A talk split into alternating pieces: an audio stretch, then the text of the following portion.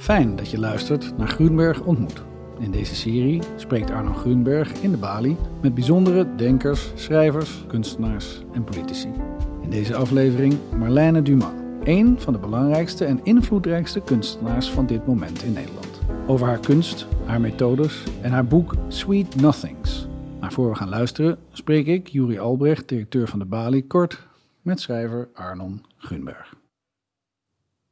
Welkom, Arnon. Dank je. Een aflevering uit de reeks Groenberg ontmoet van 12 november 2015. Marlene Dumas was op dat moment net uitgeroepen tot kunstenaar van het jaar in 2015. Ze had een eerste grote overzichtstentoonstelling uh, voor de eerste in 20 jaar eigenlijk. Marlene Dumas, The Image as Burden in het Stedelijk Museum. Ze is echt de rockster van de Nederlandse schilderkunst, kan je zeggen. Ja, terwijl ze eigenlijk zichzelf ook nog... Ik bedoel, ze is natuurlijk... Ze is eigenlijk Zuid-Afrikaan, hè?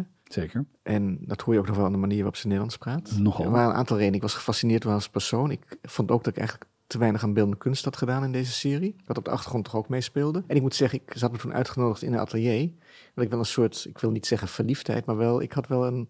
Ik vond ook een buitengewoon innemende vrouw. Ja. Ja. ik wilde wel nader tot haar komen. Nader tot Dumas. Nader tot Dumas. Haar dochter zat ook in de zaal. Ik vond het zelf best wel een aangenaam gesprek. En toen kwam ze in afloop naar me toe, de dochter, en die zei... Het was een leuk gesprek, je hebt het goed gedaan. Maar mama heeft niets gezegd wat ze niet al een keer elders gezegd heeft.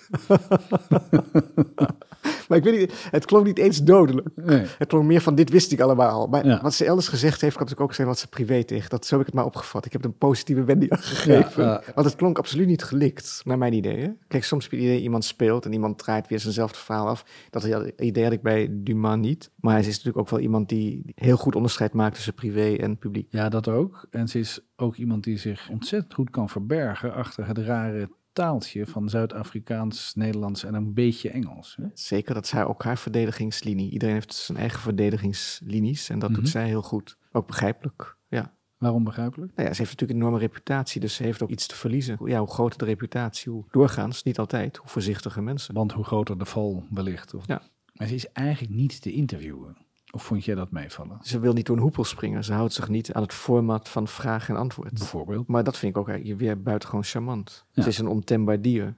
En dat wil ze ook zijn. Dat is ook een rol ten dele die ze heeft verfijnd. Ik wil niet zeggen dat ze die rol dat het een pose is, maar ze voelt zich heel erg thuis in die rol. En soms denk ik zo thuis dat het bijna, nou ja, wat, wat de dochter ook zei, deze houding neemt ze heel graag aan en niet voor de eerste keer. Maar het is absoluut geen vijandige houding. Nee, zeker niet. Het is meer, het het is een het is charmante een houding. charmante houding, ook omdat er toch iets in haar zit van een heel groot kind. Ja. Dat bedoel ik absoluut niet denigerend hoor, maar er zit natuurlijk iets Nou ja, bijvoorbeeld dat ze ontzettend speels is en Ja. creatief. Ja. En dat zijn veel kinderen gelukkig ook. Ja, en dat ze de conventies van de volwassenen natuurlijk ook heel terecht trouwens aan de lijst kan lappen. Hoe heb je je voorbereid hierop? Door haar werk te bekijken, maar ook toch door de, door de teksten zelf. Want ik heb natuurlijk toch de meeste houvast biedt de tekst. Ja. En dat vond ik heel leuk, die aforismen die ze had geschreven. Die waren natuurlijk buitengewoon uitnodigend om daar nader op in te gaan. Je bereidt je altijd heel grondig voor hè, voor die gesprekken. Dat vind ik wel prettig, ja. Het helpt het gesprek, omdat je anders nodig je degene uit iets te vertellen wat hij al heel vaak heeft verteld. Ja. Zoals misschien ook wel in dit geval met Dumas. Op het moment dat je goed voorbereidt, dan weet je, dan denk je, oh, dit, dit ken ik al. Laten we nu proberen een stap verder te gaan. Ja, je komt dan vaak ook met stapels boeken, Ja, papieren, fotocopieën, soms zelfs met eh, plastic tassen. Meestal zit er een plastic tas. Ja, dat is een soort, ik hou van traditie en rituelen.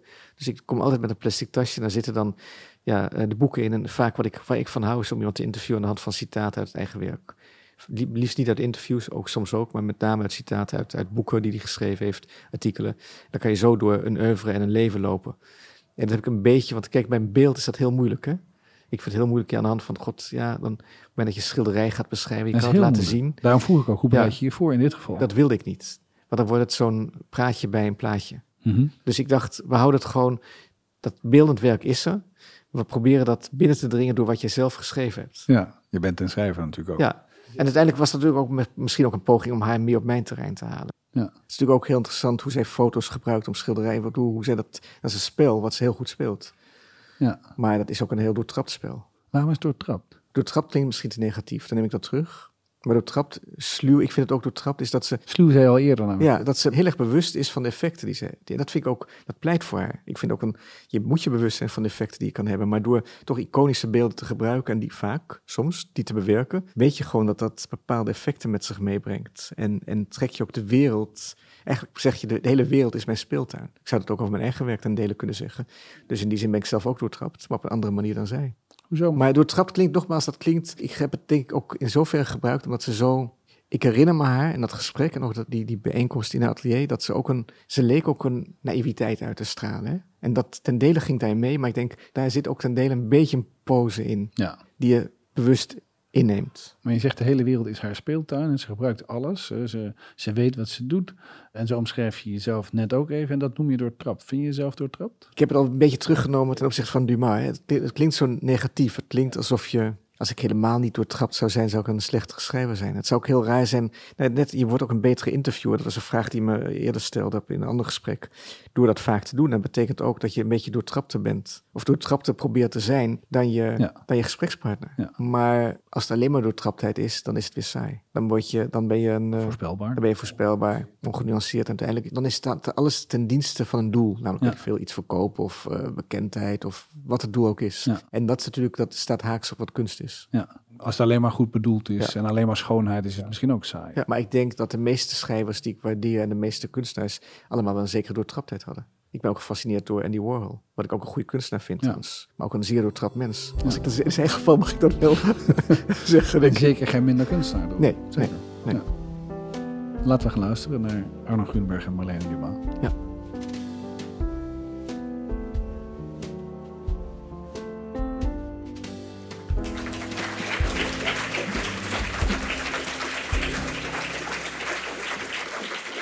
Goedenavond. Ik neem aan dat u allemaal weet wie Marlene Dumas is. Maar mocht u de afgelopen decennia nog God hebben geleefd, zal ik een hele korte eh, biografie aan u meegeven.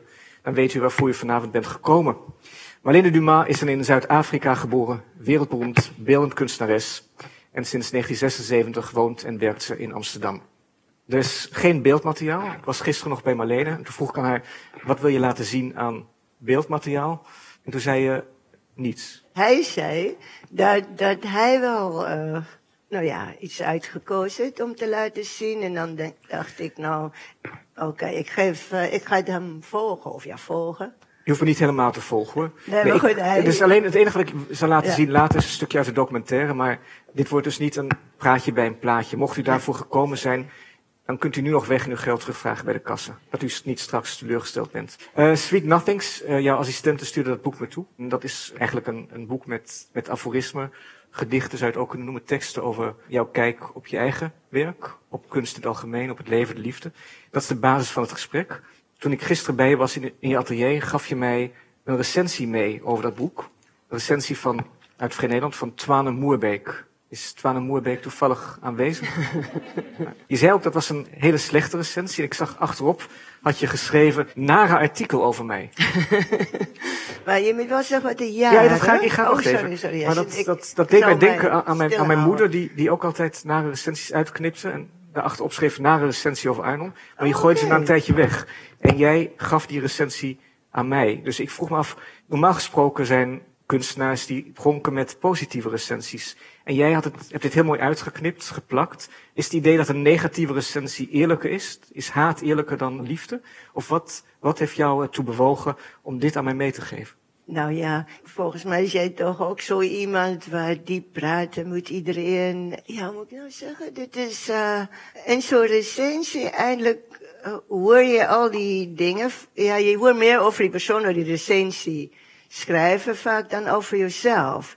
Maar aangezien mensen, ook recensenten, critici, iedereen een beetje mijn onderwerpen is, kan ik dit dan ook weer gebruiken. Zeg Ja, ik het ja, nou? dat zeg ja? ik. Nee, nee, Want volgens mij eh, dus doet jij ook een beetje zoiets. Dus eigenlijk, hij inspireert je. Ik zal even een stukje voorlezen. Nou, inspireren is een groot woord. Ik bedoel, en, en haat, dus je zeggen, ik was ooit heel erg verliefd op iemand en toen hadden we over die problemen, over wat is liefde, of het bestaan. En ik zeg haat, ik zeg ik haat. Haat vind ik een vreselijke woord. Ik weet ook dat jij zegt wat heel mooi is, dat jouw moeder die haatte niet. Hè?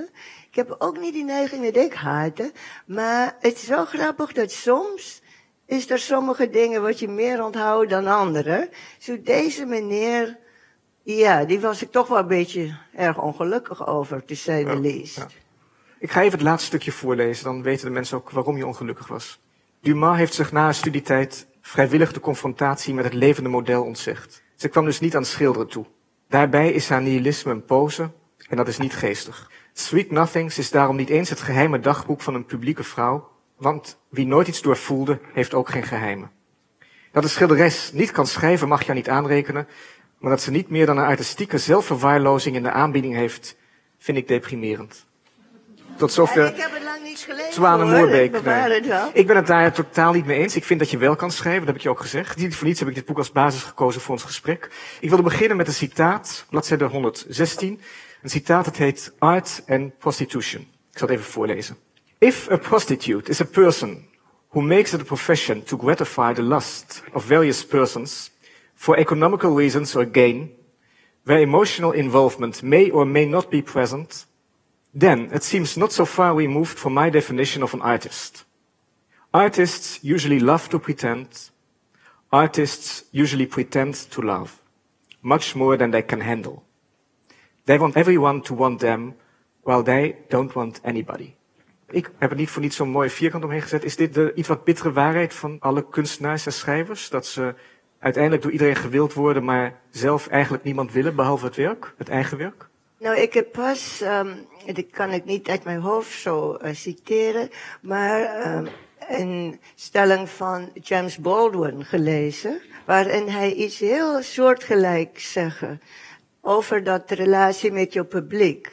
Dat uh, aan die ene kant, ik zeg altijd, ik doe dit niet alleen voor mezelf, maar ja, daar zit altijd dat spanning tussen, ja, dat aan die ene kant Um, ja, wil, wil je, ja, ik moet hier nog inkomen, gesprek. Nee, nee, nee, ik bedoel, tijd, ja. hij, is, hij is leuk hoor, maar, maar goed, het is een publieke gesprek, zo dan heb je dat theatrale iets.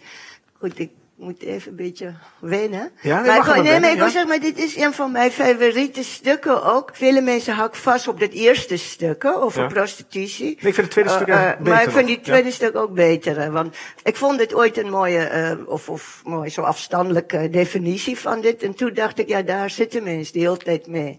Je, weet, je wil dat mensen van je houden. En aan de ene kant, dan weet je ook weer niet wat je moet, moet doen. Nee, Dus maar dus- is dat ook, want je bedoelt, het is ook een hard statement. Kan je dat over jezelf zeggen? Klopt dat, dat jij eigenlijk niemand wil? Je wil door iedereen gewild worden, maar zelf wil je niemand? Ja, ja, dit, ik wil, ja, maar dit is, kijk, uh, veel van die stukken, ik geloof dat die, die meneer Moerkerk, wat was zijn naam, ook niet goed begrijpen. Het is niet allemaal, uh, Over jou? ja, over mij alleen maar als persoon is ook dit hele probleem als de kunstenaar. Hè. Ik heb vaak dat onderscheid gemaakt dat als ik een brief schrijf aan jou, dan is het echt aan jou gerug. Als ik zeg ik hou van jou, dan is het aan jou gerug. Maar zodra je een schilderij maakt waarin je zegt ik hou van jou, maar je weet je gaat dit aan een publiek tonen, wat, wat ben je dan mee bezig? In het gewone leven wil je, wil je graag. Wil je Uh, wel wel dat iemand Ja. van jou houden, maar, maar het is... Ja, maar dat zeg je ook. Maar wil jij ook van iemand houden? Ja, ja. Wel. Ja, Ja. ja. maar, zo zeggen, maar het is moeilijk om van je publiek te houden zoals je van een specifieke persoon houdt.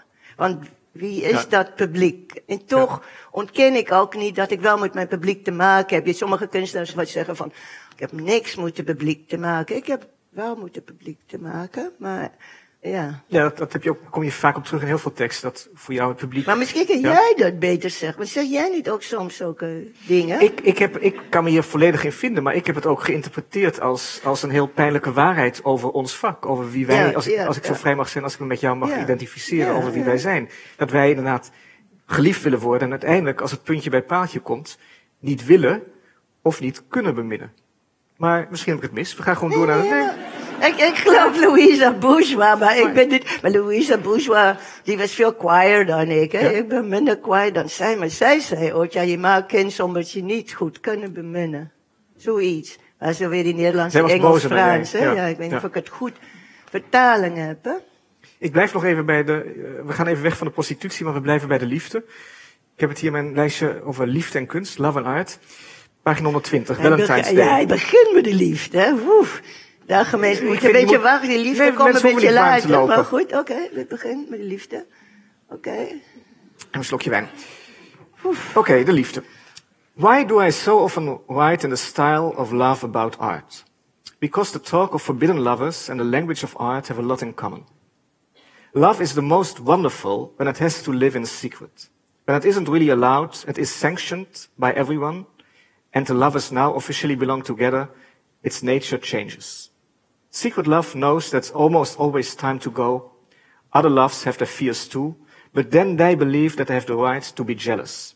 But if you're wrong to start off with, you can speak of having rights. You understand that if the beloved one leaves, that's because that's how it should be. Mooi, hè? Ja. Heb jij geschreven. Maar er zijn een aantal dingen die mij hier intrigeerden. Eerst, ten eerste dat, dat eigenlijk je zegt, de, de geheime liefde is de beste liefde. En dat je ook nog zegt, een volgende stap maakt, die zegt, eigenlijk is het schrijven over die geheime liefde lijkt op schrijven over kunst. Kan je dat toelichten? Oké, nou Als we gaan- beginnen bij die, waarom is het bij die geheime liefde? Maar goed, ik moet eerst weer een beetje verder. Ja, is goed. eh, Ja. Voordat we daar uitkomen.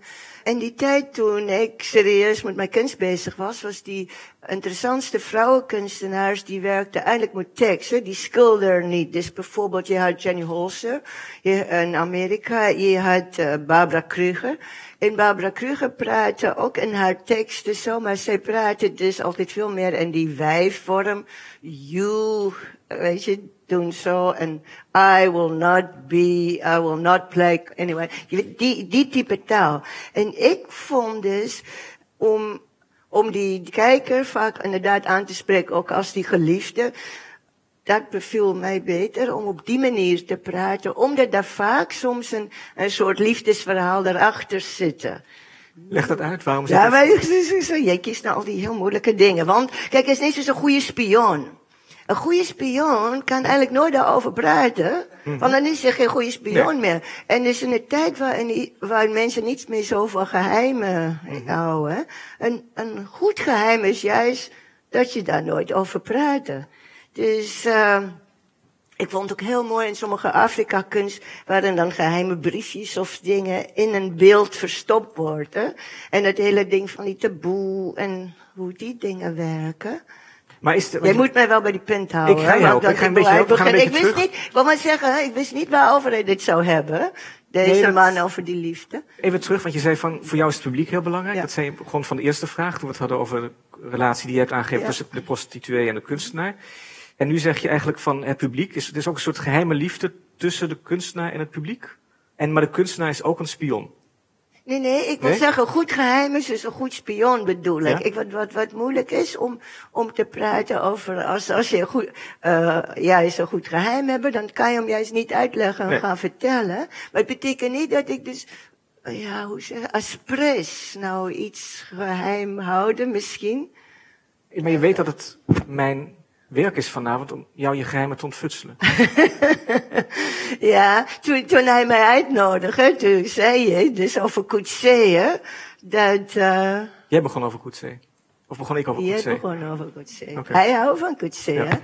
Ik hou ook wel van Coetzee, maar ik denk jou nog meer van Coetzee dan ik misschien. Maar, Over maar- geheimen gesproken. ja, je? en, en ook over die, die feit van, ehm dat je zegt, een, een ges, eh, ehm, zo'n interview is eigenlijk een, hoe- hoe- wat was zijn definitie? Ja, een definitie van een interview van Coetzee is dat um, het is een combinatie tussen een verhoor en psychotherapie. ja, ja. Dus, ja, ja. En toen, je hebt ja gezegd. Ja, Ja, ja, ja. maar toen, toen zei ik, maar goed, maar voor mij is dan een gesprek eigenlijk toch meer een beetje tussen die twee mensen. Zo, jij moet mij dan helpen, want om alleen, Nee, ik, ik, je mag, Eh. en ik gezegd, je mag mij altijd vragen stellen. oh, oké. Ja. Ehm, oh, Maar vind je dat je, heb je dat, want heb je dit mooie citaat genoeg verduidelijkt, vind je dat? Is dit, zijn- Nee, nee, help Nee? mij nou eerst Ja, even. ik je nog even helpen. We gaan Help even terug- ja, help even. Want dit is Even- een moeilijke citaat. Want ik bedoel, in die, in die zin gaat juist Oké, laat- over dat, dat Laten we gewoon één regel van- nemen. Laten we gewoon even, Ja. even tekstanalyse doen. Waarom is liefde het most, waarom is het het mooist als zij in het, in het geheim moet leven? Dat schrijf je op en dan is mijn vraag waarom. Je schrijft het stellig op. Ik denk dat het klopt, maar waarom? Ehm, Oké, ik ga nog weer op een andere manier proberen om daaruit te komen. Ik onthoud, jaren geleden was ik ooit bij een festival in, in, eh, Nederland. En het heet die innigste ware liefde is die droevige liefde. Of die onbeantwoorde liefde of zoiets. Hè. En eh, kijk, ehm, ik denk dan ook altijd zo, jouw eerste groot liefde, bij wie je dan niet hebt en zo. Dus, eh, nou, als je ouder wordt soms, dan ga je schielijk daarover dromen ook. Dus als die... ja. nee, nee, Oh, ga ik door. ga, ik ga dit hier uitkomen. Nee, gaat goed, Ik, ja. ik weet niet, het is... Ja? nog oh, wat bij? ik ga hier niet uitkomen hoor. Dat is... eh, het, het komt goed. Je, was bij de, je gaat dromen over een, een, liefde, grote liefde die verdwenen is. Nee, nee, maar ik bedoel alleen maar, die, die hele probleem van die liefde is dus zo, daar is, uh, ik heb ooit My Ways ook uh, quote, hè? Ja. dus die, uh, eigenlijk moet je dit met een beetje humor doen, anders kom je daar nooit uit, hè? dus Uit de liefde. vreselijk. Uit die liefde is zo vreselijk, hè, toch? Ja. Dus, uh, het- dus ik- uh, had haar ooit gevraagd, is je hebt zoveel mannen gehad, dat je dan nooit een man gaat wat je ooit gelukkig gemaakt hebt. En toen zegt mij ja, veel. Veel. Weet je, dus ja. ja. Ik, ik weet, dit is een slecht begin, maar ik kan Nee, nee, niet nee, nee. goed. het is, ik het is geen niet slecht begin. We hebben, al, nou, eh, we hebben geleerd dat liefde vreselijk nou. is en dat je er alleen met humor uit kan komen. Dat vind ik al heel wat. We gaan, we gaan even terug naar het begin van het boek. En dat gaat over conversations without seeing people. En dan schrijf je eigenlijk al, in de, je begint uit te leggen waarom je schrijft. Waarom schrijf ik over kunst? Dan schrijf je, what a pleasure to have conversations with human beings, dead and alive, without having to see them. En vond ik grappig, want dat zei je ook toen ik gisteren bij je op bezoek kwam. Toen zei je van ja, jij, jij vindt het leuk om met mensen te praten. Dat is jouw werk als schrijver. Maar ik kijk liever naar ze. Misschien zijn we dan ook weer terug bij de spion. Dus waarom is het zo naar om met mensen te, praten terwijl je ze kunt zien? En is dat ook een van de redenen dat je niet met Nee, nee, modellen nee, werkt? nee, nee, maar ja, maar hier is inderdaad weer een verschil, hè. In die gewone leven, of gewone leven, dan kan ik best goed met mensen praten. Ik heb heel goede relatie met taxichauffeurs. Met taxichauffeurs, Bijvoorbeeld. En, en heel veel Nederlanders over het algemeen houden helemaal niet van taxichauffeurs. Maar ik wel. En, en uh, ik had goede gesprekken, zolang die anonimiteit een beetje daar blijven. is heel erg als je taxichauffeur je te lang kent en schielijk dan zeggen van, maar eindelijk schilder ik ook. Of mijn Mhm. ex-vrouw schilderde en wij zijn uit elkaar gegaan en zo. Dus, uh, ja, dat is niet Oké, maar zo. eigenlijk zeg je iets heel interessants. Je zegt, als ik je mag onderbreken heel even, dat je eigenlijk de beste gesprekken hebt met mensen met wie je geen intieme relatie hebt. En zodra zelfs de taxichauffeur te veel van je weet, wordt het spreken met hem, het, het gesprek, al moeilijker. Uh, ja, nee, nee, maar dat betekent niet dat ik niet andere gesprekken met mensen kunnen hebben. Maar het gaat daar uh, over. Um, wacht nu, wacht. Het komt goed. Het gaat er, waarom, waarom is het moeilijk met mensen te spreken als je kunt zien? En waarom, gaf, waarom geef jij de voorkeur? Nee, ja, nee, nee, nee. Maar wa, wat ik dus bedoel te zeggen is, dus, kijk, zo zo'n gesprek, hè. Dus, een gesprek zou je denken, is tussen twee mensen. Maar zodra dan meerdere mensen is, dan wordt het toch het theater. En dan wordt het heel zelfbewust. En dat is toch niet helemaal diezelfde. Ja. En diezelfde met een, um, sommige dingen heb je nodig voor, jou, voor jouw werk. En die één persoon heeft die echte personen daar nodig. Kijk, als, als zo Lucian Freud bijvoorbeeld met een model zit. Dan wil die echt kijken hoe val die luchten die, goed hij is nou overleden, maar goed, toch. Dus die duurt dan uren en uren en, en omdat die echt wil kijken hoe dit in die werkelijkheid zit.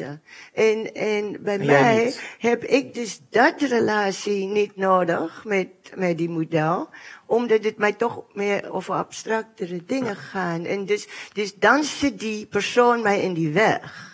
Dit gaat niet daarom. Nee, ik begrijp het. Je weet je, Dit is is een beetje meer Ja. wat je dus nodig hebt, bedoel ik, of, of waarop je wil concentreren. Maar het betekent dus niet dat je dus. Het model zou je alleen maar Eh, afleiden. Ja. Ja. kijk, toen ik die, die eh, project met Anton Corbijn gedaan heb. Kom ik ook, ja. eh, ja, ik, ik geloof niet dat mijn beste werken daaruit ontstaan het. Maar dat betekent niet dat, dat die omgaan met die uh, meisjes en zo. Ja. Uh, kijk, ik wil. Dus jij hebt aan die Segal. Uh, Meegedaan. Meegedaan, ja, daar kunnen we ook nog over spreken. ja, maar goed, Maar- dan maar- kom ik weer terug naar die meisjes die striptease doen. Ja. Want ook over Corbijn heb je een heel mooi citaat, 199, dus daar kunnen we meteen heen. Dat is het um, project wat je met Corbijn hebt gedaan. Nee, ik wil even terug, terug naar Lucian Freud. Want je hebt ook over Lucian Freud gezegd, eigenlijk heb je vrij kritisch over hem uitgelaten. Je hebt ook over hem gezegd dat de manier waarop hij zijn dochter heeft geschilderd niet ethisch is. Ik, ik parafraseer, het zijn niet de woorden die je hebt gebruikt, maar je hebt bezwaren, precies. je hebt bezwaren, vergeef me dat ik niet precies meer weet Ja. welke woorden je hebt gebruikt, maar je hebt bezwaren tegen de manier waarop hij zijn dochter... Ja, nee, ik zou, ik zou niet zo ver gaan om te zeggen dat het niet ethisch, maar wat ik dus vreemd vind, terwijl mijn werk een grote afstandelijkheid hebben, dus als schilder ik mijn dochters, dus en de painter wat hier hing in Amsterdam, die altijd op al die affiches, um, in dingen, dan um, is daar toch een grote afstand in die zin dat het niet zo naturalistisch. Er zit een vreemde wezen wat niet precies diezelfde is en ook niet pretendeer om zo um, dicht bij dat kind te komen. En ik had daar vaak um, allerlei kritiek op gekregen. Terwijl ik was alleen maar verbaasd, of niet alleen maar, maar ik vind het vreemd dat zo, zo Lucien Freud, die zijn veel oudere dochters en die leggen daar zo... Uh, Vind je dat hij ze Eh, te erotiserend heeft geschilderd? Uh, nee, dat is niet zo eerst zozeer, maar, uh, nee, of misschien juist niet, maar ik blijf, nee, ik- vind het alleen een vreemde iets. Hoe, hoe soms, um, dat daar dus veel minder men denkt van, is dit nou niet eigenaardig? Eigen, ja, Eigenaardig. ja. Ik, ik zeg ook niet dat hij dit helemaal niet mag doen of niet kan doen. Maar omdat men het maar wel ik, eigen- ik gebruik hem vaak meer als is misschien ook onterecht, maar ik uh, als een om iets duidelijk te maken over die verschil tussen tussen uh, die die uh, die kunstenaars wat echt graag wil kijken naar die werkelijkheid en daar uh, Hoor je niet bij? ja, daar word ik niet helemaal bij. Maar, ik, maar ja. dus ik ben niet zo geïnteresseerd in die, in die vlees en, en Ja. Ik ga nu een citaat van je voorlezen, bladzijde 199, wat daar een heel klein beetje haaks op staat, maar dat kan je dan zelf toelichten. Het gaat over Anton Corbijn, met wie je gewerkt hebt um, in de piepshows. Um, ja, mag ik het zo zeggen? Ja, was niet helemaal piepje, maar Maar goed, kijken. ja. Jij, mag, jij gaat het toelichten hoe het echt zat. Anton and I are both known for stripping people. We both do portraiture. If it's true that it's not so much about exposing roles or making the rich look dirty or the famous ordinary, it's a stripping down to that melancholy sex appeal that makes surnames disappear and first names fictional. Van die laatste zin vond ik erg mooi. Ja, de maar, melancholie van het seksappeal, dat ja, dat- maar daar zeg ik dan juist niks over die vlees en zo. Nee, ik ga daar weer over die naamgeving. Van het prachtig hoe je dus uh, al, altijd op die andere namen gebruiken. En, en uh, Dan moet je even, misschien moet je het even toelichten, de, an- de andere namen van de Nee, meisjes. ja? nee, dus daarin zeggen we first names disappear, allemaal altijd, altijd valse namen. Ja. En uh, dit wat ik bedoel, dus, dus daar zit dus een heleboel andere dingen, wat ik dus interessanter vind dan, dan uh, ik bedoel, daarom gebruik ik alleen maar Freud niet omdat hij slecht is of zo, Nee, maar net om dat verschil van die, die, die zwaarheid van die vlees en die lichamelijkheid. Um, ik vind het prachtig als zo'n Marokkaanse meisje in de striptease aan mij zeggen van, weet je, ik vind het niet erg als je mijn lichaam uh, afbeelden, maar niet mijn gezicht, want ik wil niet dat ze mijn gezicht herkennen, maar als ze het niet erg vindt dat ze haar aan haar geslachtsdeel herkennen of zo. Ja. Ik vind het dus prachtig, toch? Dat vind ik ook prachtig. Ja, ja. Maar, Maar, maar, ik en, ik wil, en ik Ja. wil alleen maar zeggen, weet je, dus, dus, uh, maar waarom Oh, vind dus- jij het prachtig? ik, ik wou nou heel stom zeggen, ik wou zeggen, ik ben toch ook een mens? Ja, dat is waar. Ik ben ook een mens. Nee, ik bedoel, ja. nee, maar ik bedoel, Maar- het is, nee, Misschien, ja. nee, hoe bedoel je, waarom vind ik het prachtig? Nou, ik begrijp, omdat het voor mij, dat is ook die zin. Omdat het een soort, het heeft de, de, de melancholie van het seksappeal. De melancholie van de erotiek. Maar ik denk dat dat is, dat is voor mij evident, maar niet voor, heel, niet voor iedereen. Dus ik vond het grappig dat dat voor jou kennelijk ook evident is. Dat er iets aantrekkelijks zit, iets erotiserends in die omgeving waar, de, waar voornamen fictie zijn en achternamen verdwijnen.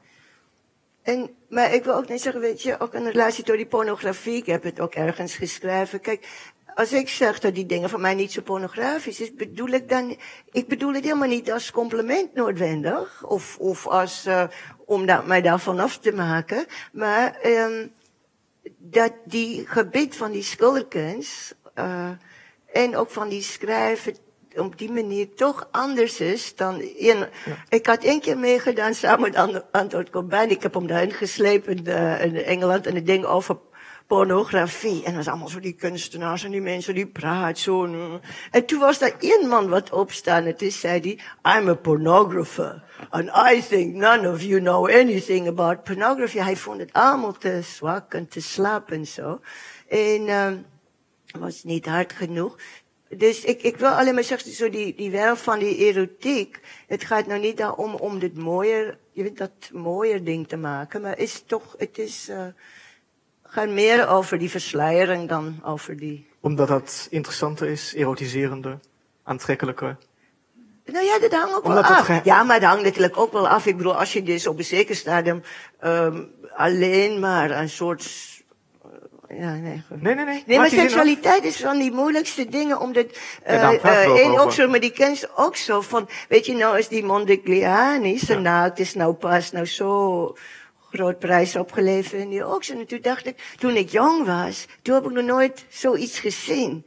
Toen dacht ik, oh, dit is wel heel bijzonder en heel erotisch en aantrekkelijk. En nu ben ik veel ouder en veel langer met die dingen meegedraaid. En dan denk ik, is oké, okay, maar het is niet zo. Tegen. Nee, maar ik, ik bedoel zo, dit is natuurlijk ook een wat periode. Wat heb je gezien? Wat heb je meegemaakt? En hoe, wat is jouw voorkeur en jouw dingen? Speelt toch ja. allemaal mee. Dat is niet dat begrijp ik heel los goed. te zien. En ik begrijp ook in wat je zegt dat die voorkeuren natuurlijk veranderen. Want wat ik bedoel, een overdreven versleiding. In Zuid-Afrika had je zo van, als iets een beetje Vaseline over die lens had, dan heet het erotiek. En als het dan harder was, dan, dan mag je helemaal niks zien. Dus dat is nou dat ook weer niet wat ik dat wil propaganderen. Oké, okay, we laten. Misschien komen we straks nog terug op de piepshows. Als je dat goed vindt. Oké. Okay. Ja? Schrijf over kunst. Citaat bladzijde 12. I write about art because I want to disassociate myself from the tone of most art writings. I'm not impressed by art, neither disappointed, because I never believed in art as the big white hope anyway or saw artists as larger than life. Ik begrijp het goed, maar ik was toch benieuwd naar hoe je dat zelf gaat toelichten. Waarom wil je afstand nemen van de meeste, van hoe er over kunst wordt geschreven? Wat staat je daarin zo tegen? Want jouw, jouw catalogie staat toch ook altijd weer vol met, met academici, min of meer, die over jouw ja, werk schrijven? Ja. Maar, maar um, dus ik ben helemaal niet tegen mensen wat schrijven over kunst. Um, jij zegt ergens uh, ook over uh, dat mensen zeggen, ja, iets behoort niet een tekst te hebben of zo. Ik geloof. Nee, dat was over uh, gaat, we gaan daar nog op wat? terugkomen. Ja? Okay. Nee, of, of, je, nou, of je bedoelt het misschien meer ironisch inderdaad. Maar eigenlijk kan niks zonder de teksten.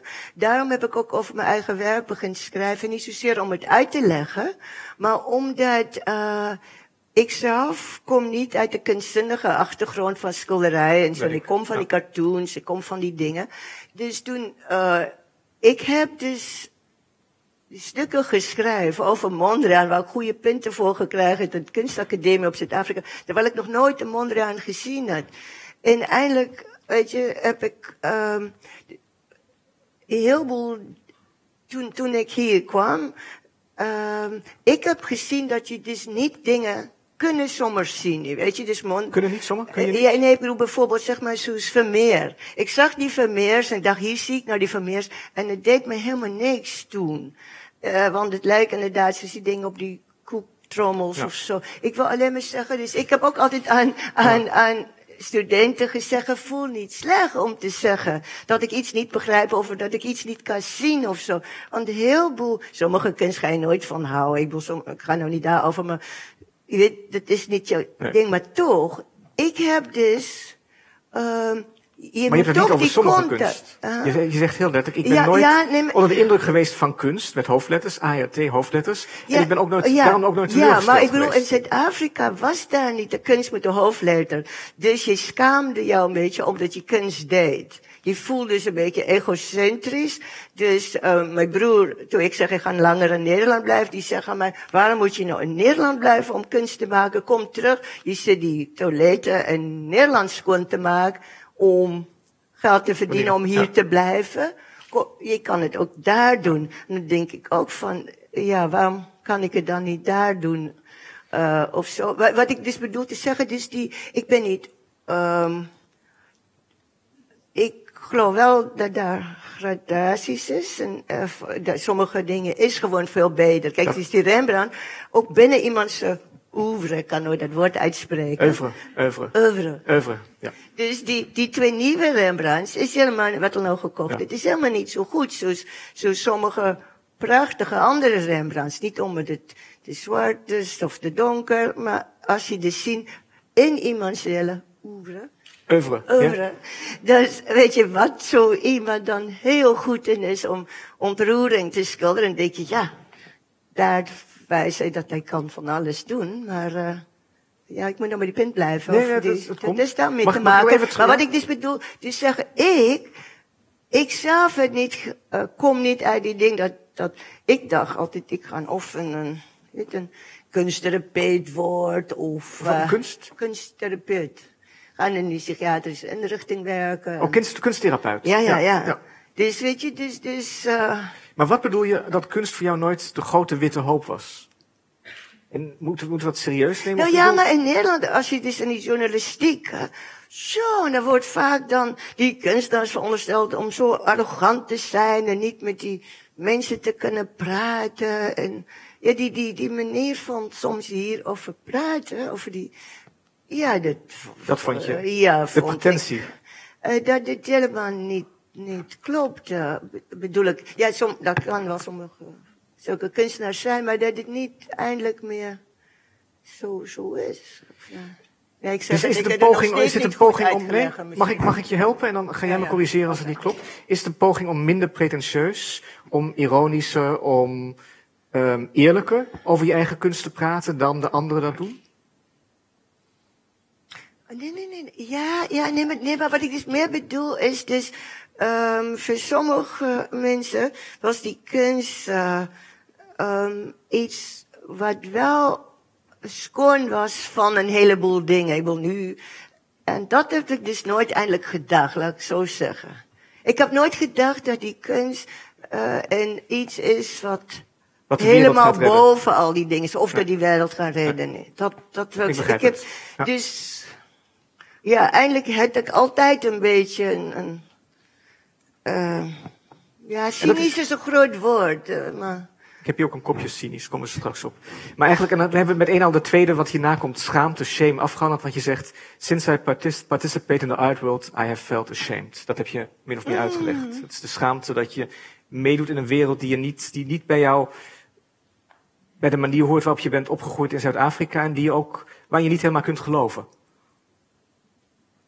Ja, maar dit, het moet nou niet klinken alsof ik dan ook denk, ik ben zo beter en al andere mensen zo slecht of zo. Nee, dit is meer dat, dat, uh, ja, hoe moet ik zeggen, die trots, als je met Italianen praat, dat is zo mooi. Dan, zegt de Italiaan, uh, ik, uh, goede vriend Italiaanse kunstenaar man, dan zegt hij ook, ja, maar ah, Italians, hè. Kijk, wij, wij hebben gevoel voor detail en, ah, weet je, het is zo mooi dat trots ook. Als je trots is en, goed, dan zit al die Dat is een grote Italiaan. Italiaanse vriend van jou. Ja, ja. Weet je, Pasquale, die, maar ik bedoel, maar, maar wat ik probeer te zeggen is dat, ik, ik zeg niet dat het goed is dat ik zo voel, maar ik ben niet opgegroeid met het, uh, om trots te zijn over die feit dat je kunst maakt. En misschien zou ik een beetje beter moeten voelen daarover. Misschien, ja. Voordat ik doodga en zo Misschien kan ik daar aan bijdragen. ja, Ja. misschien kun jij Dat mij helpen. Ik wil alleen maar zeggen, zo, zo sommige dingen wat de mensen zeggen, is niet zozeer om een oordeel over al die andere mensen. Um, Nee, dat begrijp ik heel ja, goed. nee, maar om te goed. proberen te begrijpen hoe ervaar jij dit en waarom doet jij dit dan zo en wat is jouw hang-ups binnen dit alles? Ja. We gaan naar de vulkanen. Een mooi citaat over vulkanen. En dat heet, het kopje van dit is I situate art not in reality but in relation to desire. The moral of this story is that it's about almost impossible to distinguish between an extinct volcano and a dormant one. Ben jij een slapende vulkaan of ben je een die is, die is uitgedoofd? Oei, oei, oei. Ja. ja, maar, ja. ja, maar over Of ben je, jezelf. of ben je nog een levendige vulkaan? Dat kan natuurlijk ook. Over jezelf. eh Praat je Eh, niet? Nee, Maar, maar je, bent, maar je- bent toch een soort vulkaan? Ja, maar dat, ik weet niet of daar... Vroeger zeggen dat ik veel energie had, hè? maar ja, ik weet niet of eh, relatief gesproken is het wel behoorlijk afgenomen. Oh, ja, Dus- ik, ga, ik, dus ik heb besluit, ik ga niet weer mijn ogen rollen. Hè? ik slapende heel lelijke foto's van jou hier in die balie, hè. Waar je dus met zulke rollende ogen zit. Dus ik had gedacht, ik ga een nieuwe... Nee, die maak je niet druk om de foto's. gaan proberen Maar- om, om meer elegant te zijn. Hè? Toch dat heel dat ik ook eh, Ja. intelligent zijn. Ja, maar het nee, dat, dat, gaat, dat gaat heel goed. Oké. Meer niet over vulkanen? Wil je er nog iets over? Ik vond het... Kijk, bij sommige dingen zit ik wel heel lang geleden geschreven. Eh, dat moet ik dus ook wel zeggen. Zo, die, die vulkaanding. Ik vond het wel heel mooi dat je dus soms. Ik- ik niet, ook. eh, Ik- weet je, maar maar- het was niet eigenlijk direct op Maar, mezelf. maar, maar Marleen, laat, ik citeer alleen de dingen die ik oprecht heel mooi vind. Dat we dat Nee, nee, even, nee, ja? nee, dit is goed. Oké, maar misschien. En dan mag ik even terug naar die vulkaan, want dat kopje daarboven in grote letters is dat je kunst niet plaatst in relatie tot de werkelijkheid, maar in relatie tot verlangen. En daar komen die vulkanen ook vandaan. Dus als de vulkaan slaapt of de vulkaan is uitgedoofd, is het verlangen dan verminderd? Als je zegt mijn energie is minder groot, betekent dat ook dat jouw verlangen afneemt? Ja, ja. nou, ja, dit is eh, allemaal heel moeilijk. Ja, wel. ehm, dit- ja, maar die dingen. Die gaan op en neer. Die gaat op en neer, hè? Ik, ik onthoud lang geleden, ook vond ik, eh, had ik ooit van Charlotte Rampling een hele mooie. Citaat. eh, ja, ik geloof niet dat hij die, Oh. maar ik weet niet of die hetzelfde is. Ik weet niet maar, of eh, het, maar, gaat over verlangen of over rouw. Ik heb een eh, citaat van nee, rouw. ik ga over seks. Oh, dan heb ik eh, Oké, kom maar. En toen, en dus van lang geleden, en toen zei Charlotte Rampling, soms is seks zo belangrijk. Eh, en soms helemaal niet. En was ik zo blij om dit te lezen. Ja, want jij dacht dacht dat het altijd belangrijk was. Nee, nee, maar ik bedoel, ik dacht van, eh, dat omdat, of, of je die mensen die de hele tijd zeggen zo belangrijk, of die zeggen Nooit, niet, ja. nooit belangrijk. En ik dacht, ergens is daar, als een mens lang genoeg geleefd heeft, heb je heel veel verschillende Fases. fases doorgemaakt. En, en het is toch grappig. Ik was heel blij dat ik dat las van zo'n aantrekkelijke vrouw. Want dat zij dit dus zo zeggen. Dus ik wil maar zeggen, sommige van die dingen ook natuurlijk. Ik weet niet altijd meer precies wat ik bedoelde toen ik het gezegd had. Ik weet, die vulkaan was nog niet over mij. ik zou mezelf nog niet de vulkaan noemen. Oeh.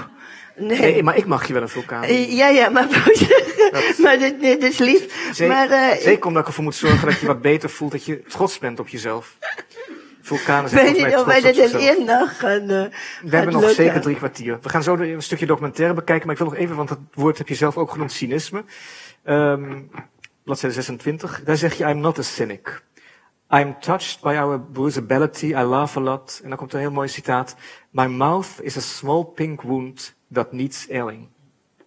Nou, wat ook wel grappig is, weet je. Dat is ik, jouw mond, toch? Je hebt ja, over- ja, ja, Maar, maar eh, eh, ik, ik dacht altijd, weet je, dan, dan zeg ik, ik kan niet goed Nederlands praten en zo. En dat veel misverstanden kwam omdat ik niet goed kon Nederlands praten. En toen zei iemand ooit aan mij, Japanse dame, die zegt, ja, maar, maar dat gaat niet zozeer over die taal. Je praat een beetje zoals je kunt.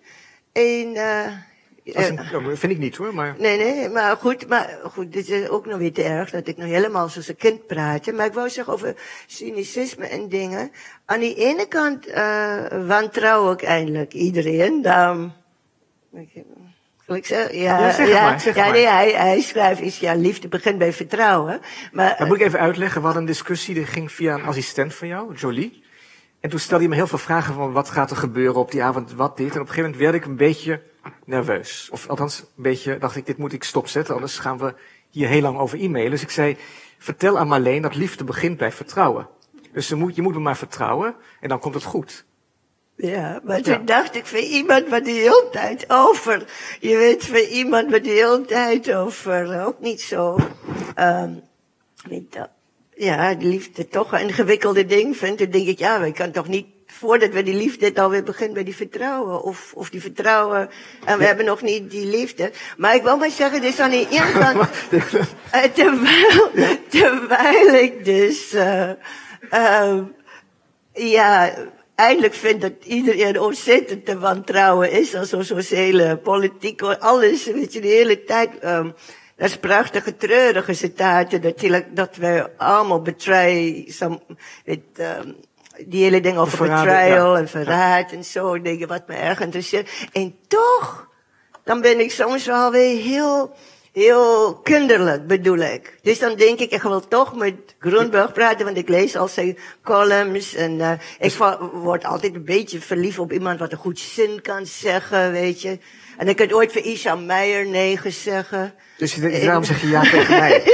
Dank je, Gijs. Dood aan God, God en je ziel. Dat nee, is... maar goed. Ja, nee. nee. maar ik wil maar zeggen, dus ja. dit is... Uh, Moeilijk, die ding van... Uh... Maar nee, maar ik bedoel, ik ben niet cynisch, laat ik zo zeggen. De spijten van alles, toch niet. Dat wil ik eigenlijk ja, zeggen. Heel goed. Maar, en dus je zegt het vertrouwen, de, de mogelijkheid om een ander te vertrouwen, is eigenlijk een kinderlijke eigenschap. En daarom schreef je ook dat je mond een wond is, een groot, een kleine roze wond, die gelucht moet worden af en toe. Ik, ik denk daar is iets kinderlijks ja. daar. En... Dat vind ik ook heel aantrekkelijk aan jou. Als ik dat mag zeggen.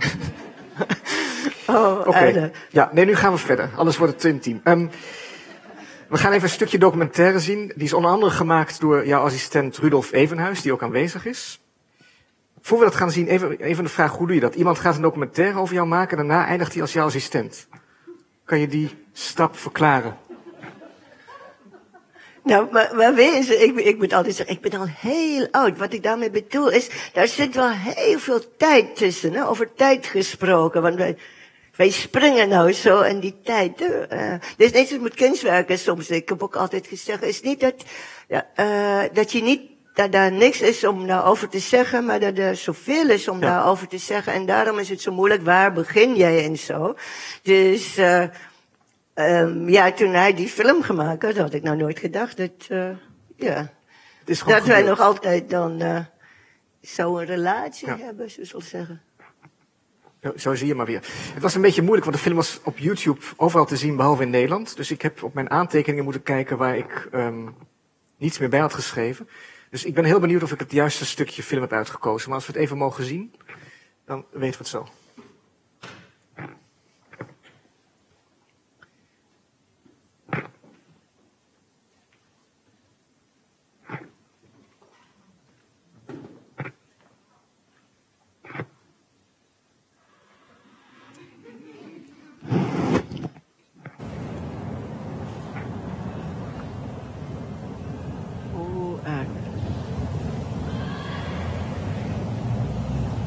The next generation. In black and white are colors and not races. People will still fall in love and discriminate between partners and feel sad and bad and need art that breaks your heart and takes you to those places where pain becomes beauty.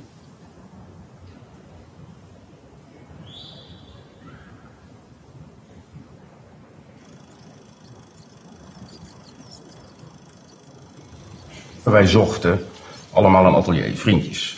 En dat is gevonden in dat grote pand aan de Prinsengracht, relatief groot. Moest alleen wel allemaal opgedeeld worden. En uh, wij hebben dat zelf gedaan. En dat was allemaal niet zo gepland, maar dat is bijna ook ons huisje geworden. Want Marlene en ik sliepen daar ook. Ik bedoel, dat was onze woning en atelier. Andere mensen kwamen s ochtends en gingen s'avonds weer. Dat schept een band.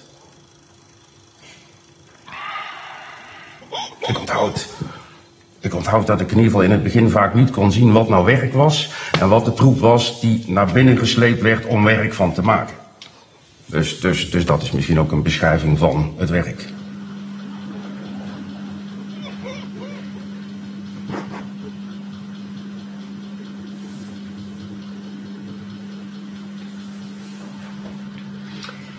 Ja, deze Space Age is toch wel heel belangrijke werk. Want ik had altijd die probleem van... waarom zou ik die grote uh, thema's in het leven... Uh, zoals liefdesrelaties... Uh, alleen overlaten aan filmmakers of aan schrijvers... of popzangers of die soort dingen. Ik wou het ook graag um, kunnen doen... En met deze hier heb je een specifieke liefdesrelatie tussen mij en Ton. Het is uh, een soort einde van een zekere periode. En ik heb die Polaroids gebruikt um, zodat ik kon reflecteren daarop. Want ik maak nooit voorstudies voor, voor werken en ik, ik werk ook nooit met echte modellen. Um, aangezien het mij toch gaat over het relatie tussen die twee mensen. Dus die, in een die periode van mijn leven vooral wou ik zo graag ook dat die um, Polaroid een soort dagboekfunctie had. Waardoor ik dus een, een snelle, directe relatie kon creëren tussen mij en die persoon. Maar dat ik toch die weer alleen in mijn atelier kon gaan zitten. Zonder die, die, die echte persoon zijn aanwezigheid daar.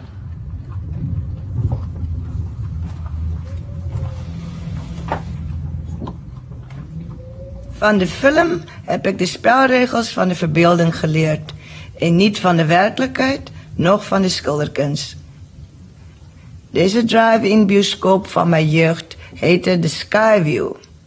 De sterren in de volle maan verstoorden en vermengden zich hier met het licht van de filmsterren. Hier begon mijn fascinatie met het close-up en de ges... Ja. Okay. Um, kan ja? ik net iets nog zeggen over die drive-in? Ja, natuurlijk. Ja, um, toen die film werd gemaakt in 1996, was de afloop van die film. En als kind groeide ik op een kuilsrivier, is echt zo one horse town, een heel kleine plaatsje, dicht bij uh, Kaapstad, maar wel echt heel klein. Maar daar was dus die drive-in. En dat is dus, lijkt weer heel erg op die Amerikaanse achtergrond. Heel veel van mijn dingen heb toch ook weer meer Amerikaanse relaties dan Europees, dat, dat mengsel. En, um, en dit was die groot iets van naar je toe gaan, je gaat naar die film. Maar mijn vader, die moest dan rijden in die auto. Mijn vader, die viel altijd in die slaap in die auto. En die nam dus die, die drank mee, die wijn en zo. Dan gaat hij slapen. En wij zitten dus dan die, die films te kijken. Ja. En, uh, en dit is dus iets wat je natuurlijk helemaal niet in Nederland hebben, die drive-in theater. En als je schijn zit en te laat bent en je auto zit schijn, dan is alle schijn getrekken.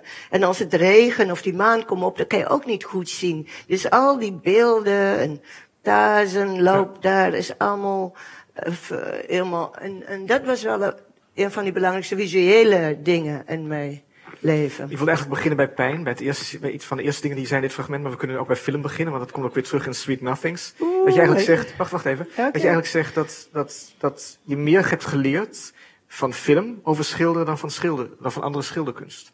Ja, dat denk ik, hè. Ik bedoel, of dat denk ja. ik, of laat ik zo zeggen, dit is wel mijn, um, mijn eerste beeld in de dingen.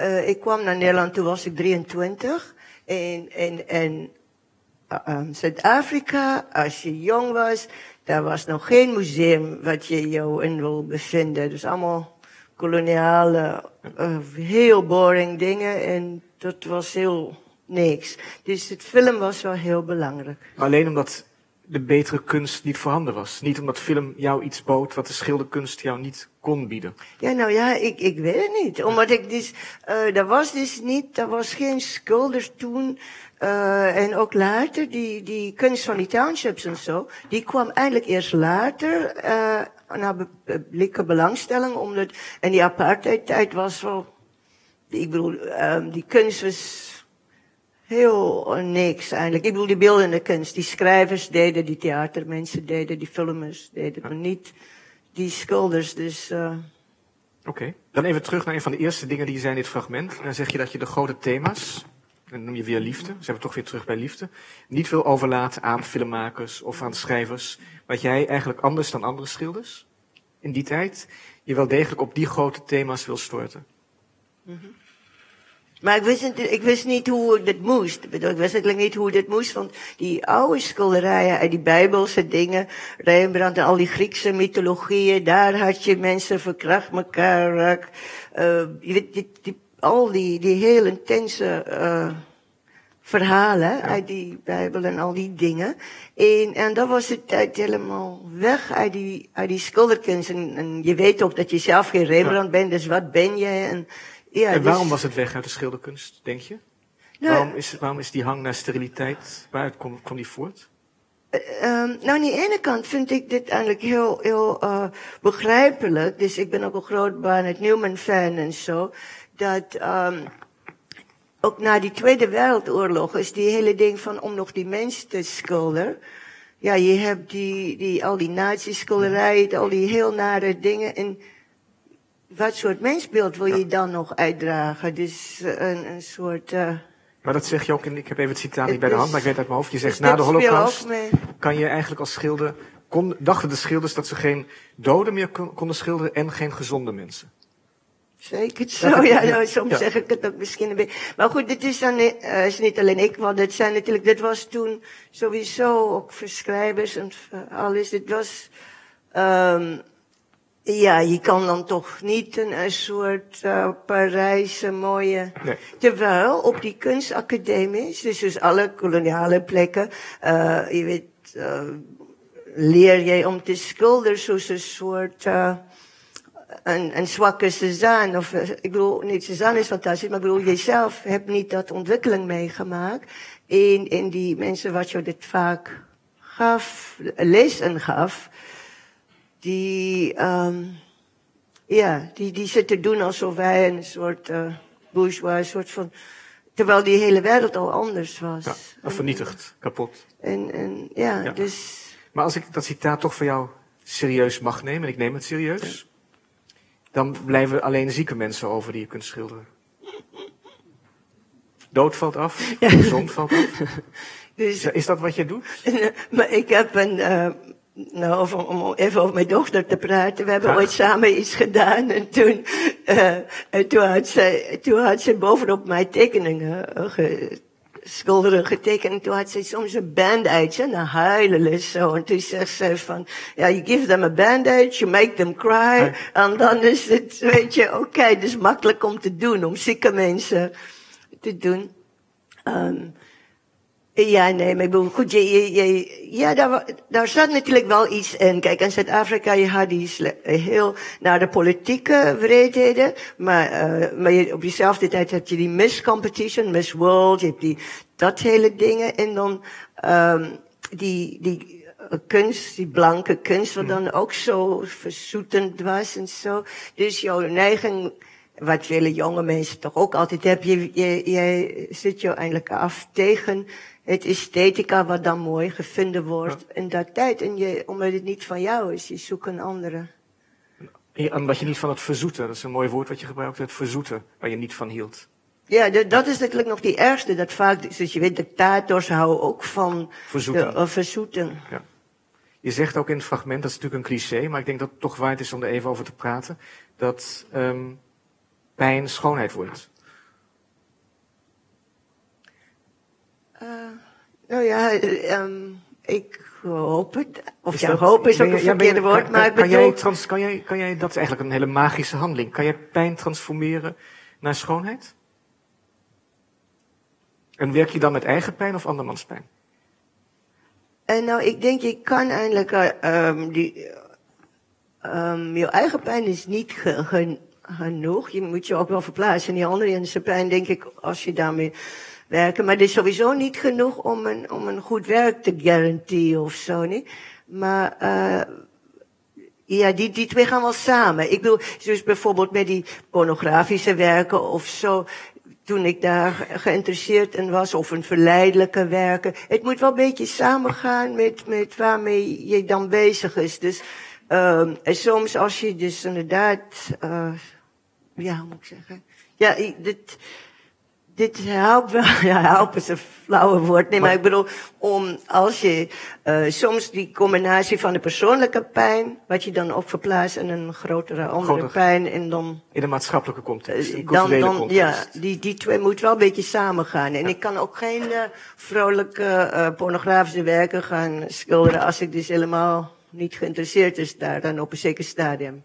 Want ik, ik heb het vaker verteld, maar toen ik zo bezig was met die pornografische afbeeldingen, dat mijn moeder ook aan mij zeggen van, heb je nou niet genoeg van dat soort dingen gemaakt? Ga je niet beetje meer filosofisch zijn? Je blijft nou met die, al die naakte mensen. En toen zeg ik, maar mama is toch ook wel heel interessant om te zien hoe ziet iemand daar van achteruit en zo. Dus waar zie je het nou? Je Maar ik vind, ik vind het wel interessant. Ik spreek over pijn en jij begint over pornografie. Ja. Wat, wat, ja, wat is hier aan de hand? Ja, nee, maar te lang mijn pijn kun je ook niet te lang. Bij Oh, je- je- PP.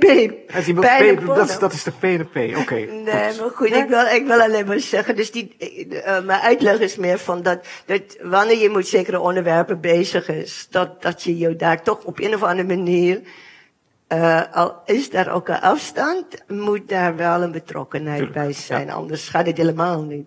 Maar het hoeft niet altijd eigen pijn te zijn. Nog even, dan laat ik het pijn echt met rust hoor. Maar Eh, eh, nee. nee. In 2008 schreef stond een heel mooi artikel over jou van Deborah Salomon in de New York Times. En dat, die, heeft ook, die spreekt ook over de film. En die laat ook um, jouw assistent Rudolf Evenhuis aan het woord.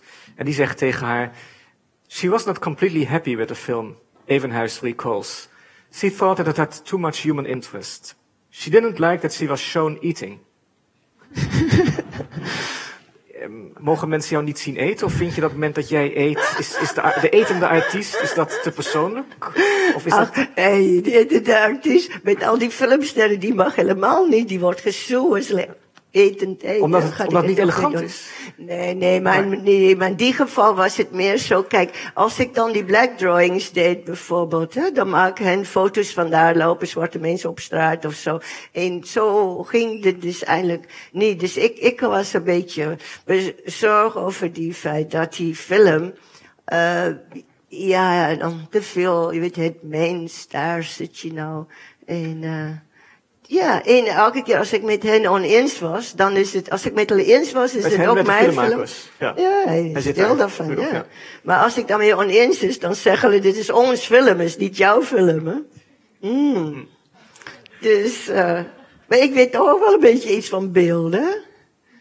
Zou je denken. Dus is altijd als iemand een portret van jou kan maken, dan zeg je, maar ik wil niet zo en zo. Dan, alsof jij niet zelf ook een, eh, alsof al die dingen gescheiden is, hè? terwijl je zelf juist werkt met het hele idee van wat is een portret. Ik bedoel, ehm, schrijvers, ja, jij lijkt altijd heel intelligent, maar kijk, Ik lijk intelligent. hè? Dat heb je heel goed gezegd. Ik, ja, nee, Maar- maar ik bedoel, jij doet wel van allerlei andere dingen, maar, maar op, op jouw boeken, dan ga jij niet zo, zo doen, hè?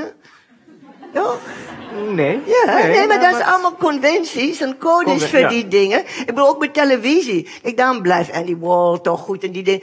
Nee, nog. Dan, dan Omdat zeg hij ik- die conventies, omdat hij daarmee speelt. ja, en als, als jij zegt, mag ik kijken in die camera? Nee, dat mag je niet doen hoor, dat doen we niet. Je mag niet kijken zo. Oh, ik ik bedoel Maar maar... jij, jij stelt die conventies toch ook ter discussie en jij speelt ja, ja, maar ik zou ook graag op andere gebieden soms ook willen meer, meer zeggenschap hebben. soms. Meer zeggenschap. Nee, maar, ik bedoel, maar ik ben eigenlijk nog heel polite. Toch? Even nog, want dat, was een mooi artikel uit dat stuk van de, van de New York Times. Daar word je als volgt aan, het woord gelaten. Now people do exercise and they have hobbies and they take holidays, she said. I'm not one of those. I don't go to a psychiatrist. I don't go to a gym. I run away from my accountant. I run away from my dentist. They are all supposed to help you, but I like to stay in bed. I have a chance to reflect, like Rossellini, Italiaanse regisseur. Je, je loopt weg van je accountant, je, je, je tandarts, je gaat niet naar een psychiater. Mijn galeriehouders. eh. Ja, alle, alles. En je- eigenlijk, Ik kan eigenlijk zo lig- een lange lijst Eigenlijk lig je maken. het liefst in bed. Lig Nee, je, ah, lig je daar dan alleen of hoe moet ik me dat voorstellen? nee, maar wat, wat leuk was, eh, die vers, eh, kijk, die dingen komen natuurlijk altijd uit de context. En ook die vraag komt uit zo, vele van mijn stukjes. Is ook geschreven omdat iemand mij iets vraagt en dan zit een antwoord op. En je hebt sommige kunstenaars die zitten echt zo bij tafel, hè. En dan zitten ze zo. En dan, dan, dan maken ze sketsen en dingen. Dan heb je weer die andere kunstenaars die doen zo en zo. En, en ehm ik vond, weet je, ik zit nooit zo bij bureau en dan ga ik een dingetje uitwerken of zo niet. Dus ik vond het heel leuk om, om te lezen dat die Rossellini dus blijkbaar ook vaak liever in die bed leggen en dan zitten denken en zo. Dus ik schrijf ook, ik was een kostschool ooit hè, in Zuid-Afrika. Een van die eerste dingen was dat ik gestraft word dat ik niet mocht leren op bed. Want je moet eens zitten bij jouw bureau. Dus uh, ik heb daar nog altijd, is... vind ik heel erg, als het, ik bedoel, als ja. het een weet is, dat, dat het niet goed is voor jou. Dus ik verkies om, maar ik bedoel, ik doe dat nou ook minder, maar dat was iets, uh, is een andere manier bedoel ik om jou voor te bereiden iets. En, en die, die vriend van mij met in die filmpje van jou speel, hij zei ooit aan mij, hij zegt, je ruimt nooit op, je verschuift alleen maar dingen.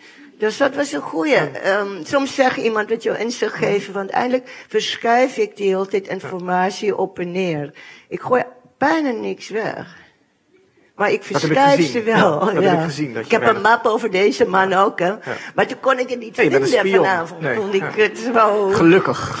Gelukkig. Maar dat komt de volgende keer. Dat is niet het einde van onze uh, gesprekken. Um, is, bed, is het bed voor jou ook een symbool van veiligheid? Is het bed veilig? Ja, ja. Dus mijn moeder zegt ook vroeger toen ik klein was, dan ik trek graag zo die, al die dekens af van mijn hoofd. Ja, ja. ja uh, maar zijn er nog steeds dagen dat je echt je bed niet uitkomt? Kan je dat als moeder... Je gaat toch niet zich permitteren? Ja?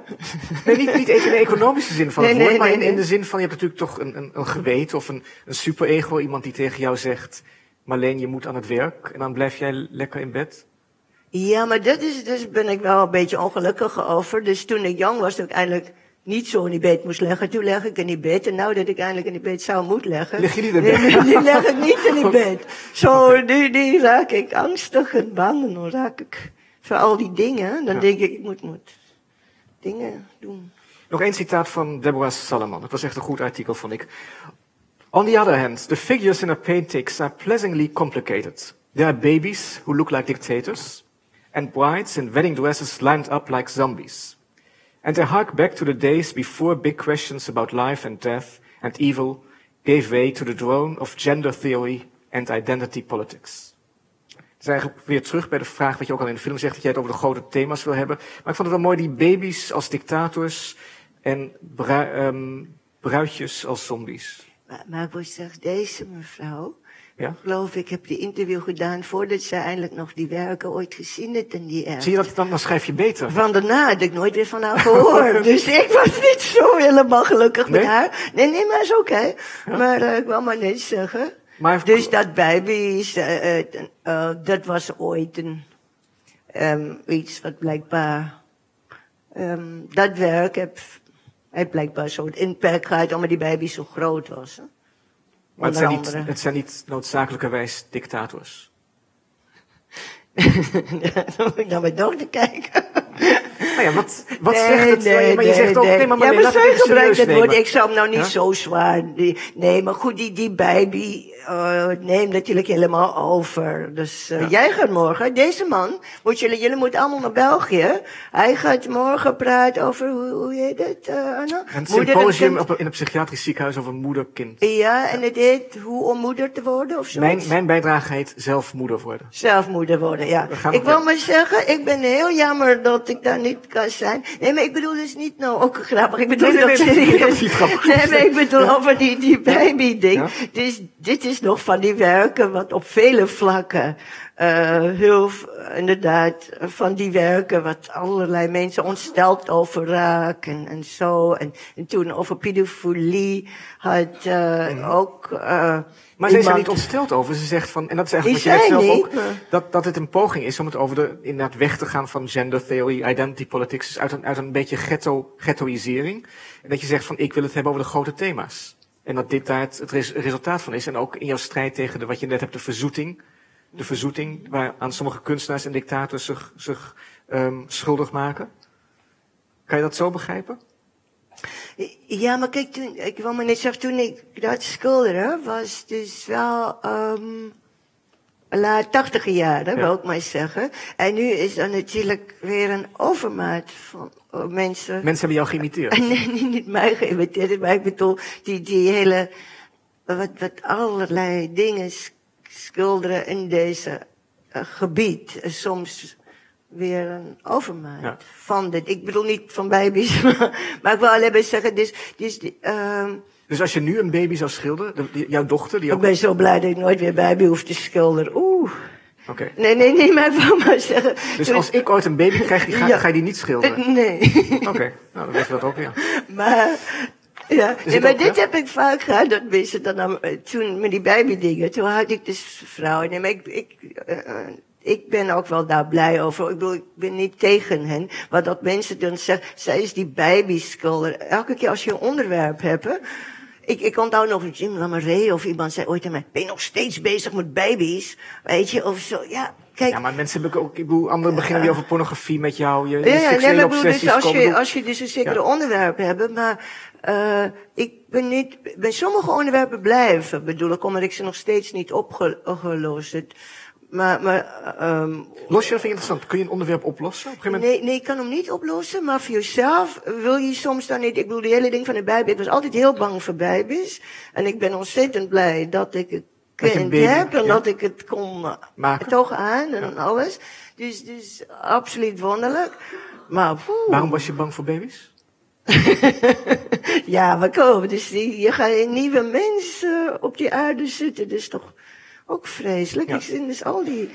Nee, dat ben ik helemaal met je eens. Nee, nee, maar ik, ik bedoel, eh, ik, ik ben altijd heel verbaasd dat mensen dit niet die, die grootste vreselijke ding vinden. Dat vind ik ook, hoor. Ja, nee, maar daarom.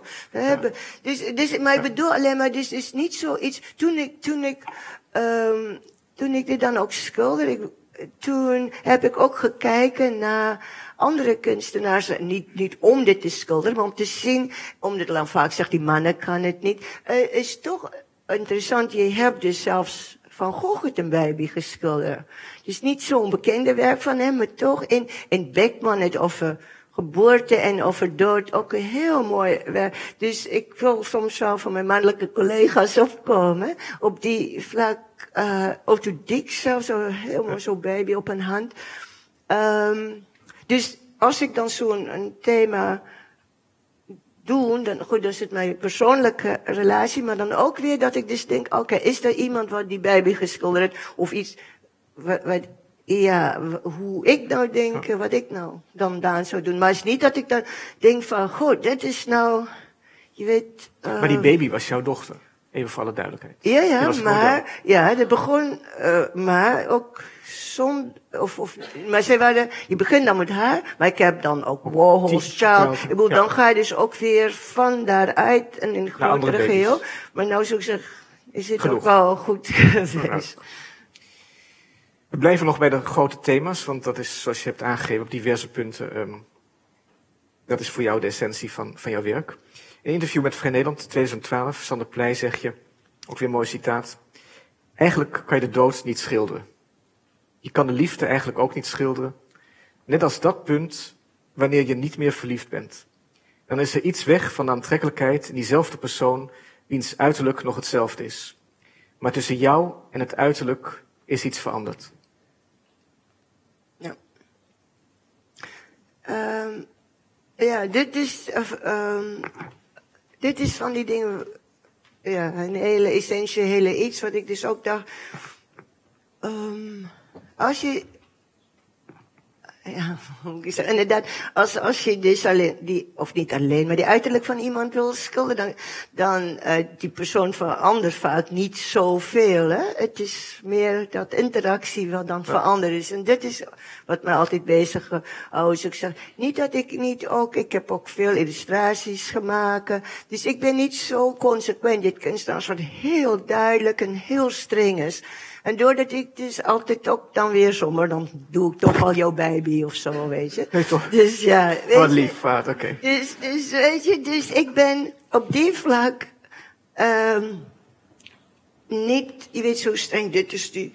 En, en daardoor is het ook soms verwarrend, want alles wat ik dan ooit gezegd heb, dan zeg je, ja, ik, ik gebruik niet mijn dochter zo, maar dan heb ik wel weer een portret van haar, wat meer een direct een portret is of zo.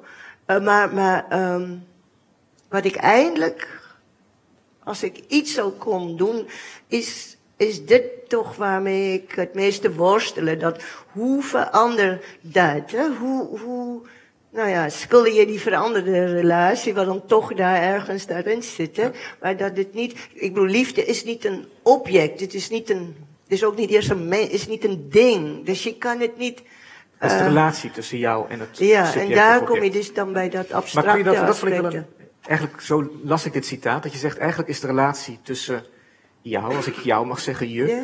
jou en een geliefde dode te vergelijken met de relatie tussen jou en een minnaar op wie je niet meer verliefd bent. Wat Ik zal het nog een keer halen. Eigenlijk is de relatie tussen jou en een dode, van wie je ooit gehouden hebt, van wie je nog steeds houdt, Ja. te vergelijken tussen jou, tussen de relatie die jij hebt met een minnaar of een minnares, Mhm. geliefde, en je ziet diegene en opeens ben je niet meer verliefd. Oh ja, jij, Dat jij, zo- trekt hem nog helemaal zo. Ik trek hem ja, door, Ja, ja, ja? ja. Oké. Ja, ik heb, vraag, ik heb, ja, ja, ik heb hem toen niet zo, zo, eh ik, ik weet wel dat toen, toen mijn vader dood is, toen, dus was, toen was ik helemaal nog niet aan die schilder, ik was dertien. Maar dat, eh heel veel dingen heb ik vergeten. Wat, wat ik dus heel sterk onthield, of onthouden was, het, dat nacht moet je dan gaan slapen. Goed, hij is daar in die kamer.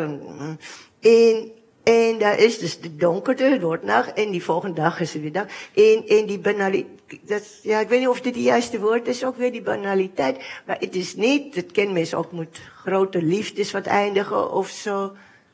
Dit is niet dat alles ophouden. Alles lijkt nog verder diezelfde. En, en dat zijn mensen ook toch soms wat in martelkamers komen. Je loopt die kamer binnen.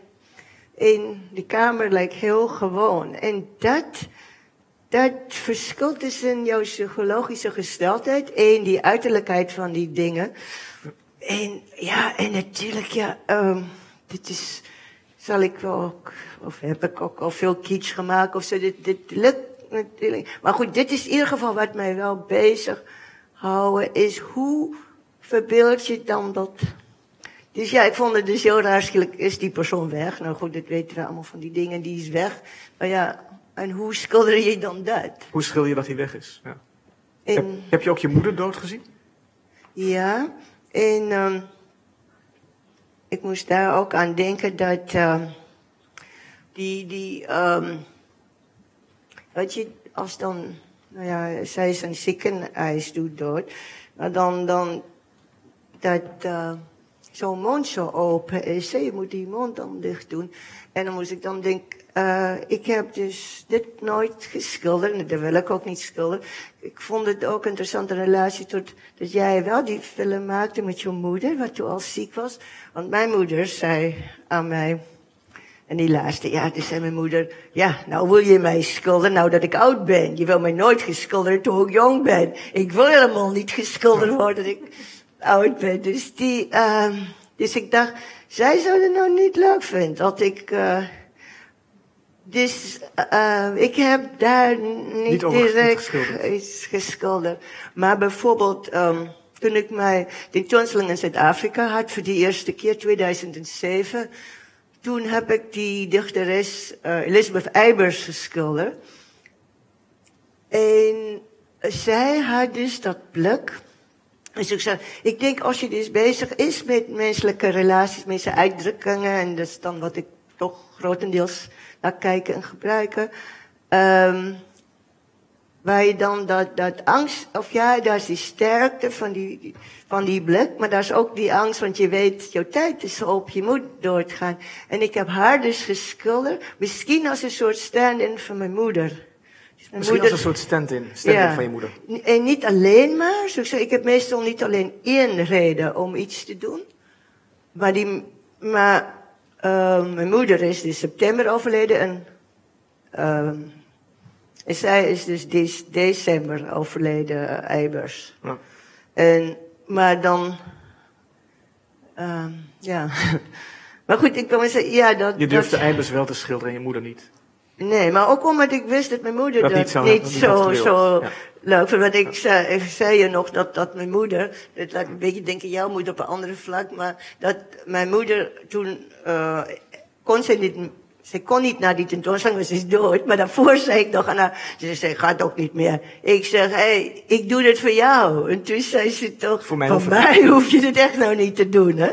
En ik moet wel zeggen, ik mis wel, soms denk ik, ik deed ook wel een beetje die kunst voor haar. Niet, niet, ik deed niet die kunst, het leek voor haar, maar het was, het was heel droevig dat wij zo ver van elkaar woonden. Ik ben die enigste kind wat toen in Nederland woont, zo ver weg, terwijl het nooit mijn idee was om weg van haar te zijn. En, uh, en als ik kon zeggen, het gaat goed met mij, dan was zij wel blij, dan zegt ze nou misschien, of, of dan vindt ze, ja, zegt ze, ja, als je in Zuid-Afrika gaat blijven, dan, weet je, dan is het nooit, dus dit was van haar een soort troost dan. Zo in een zin, dan als ik een stomme interview deed, dan, dan ga ik het toch laten zien en zeggen, kijk, is oké. Okay. Omdat je wil dat je moeder trots op je is. Ja, Daarvoor... ja, en dat ze in ieder geval die moeder waard vindt.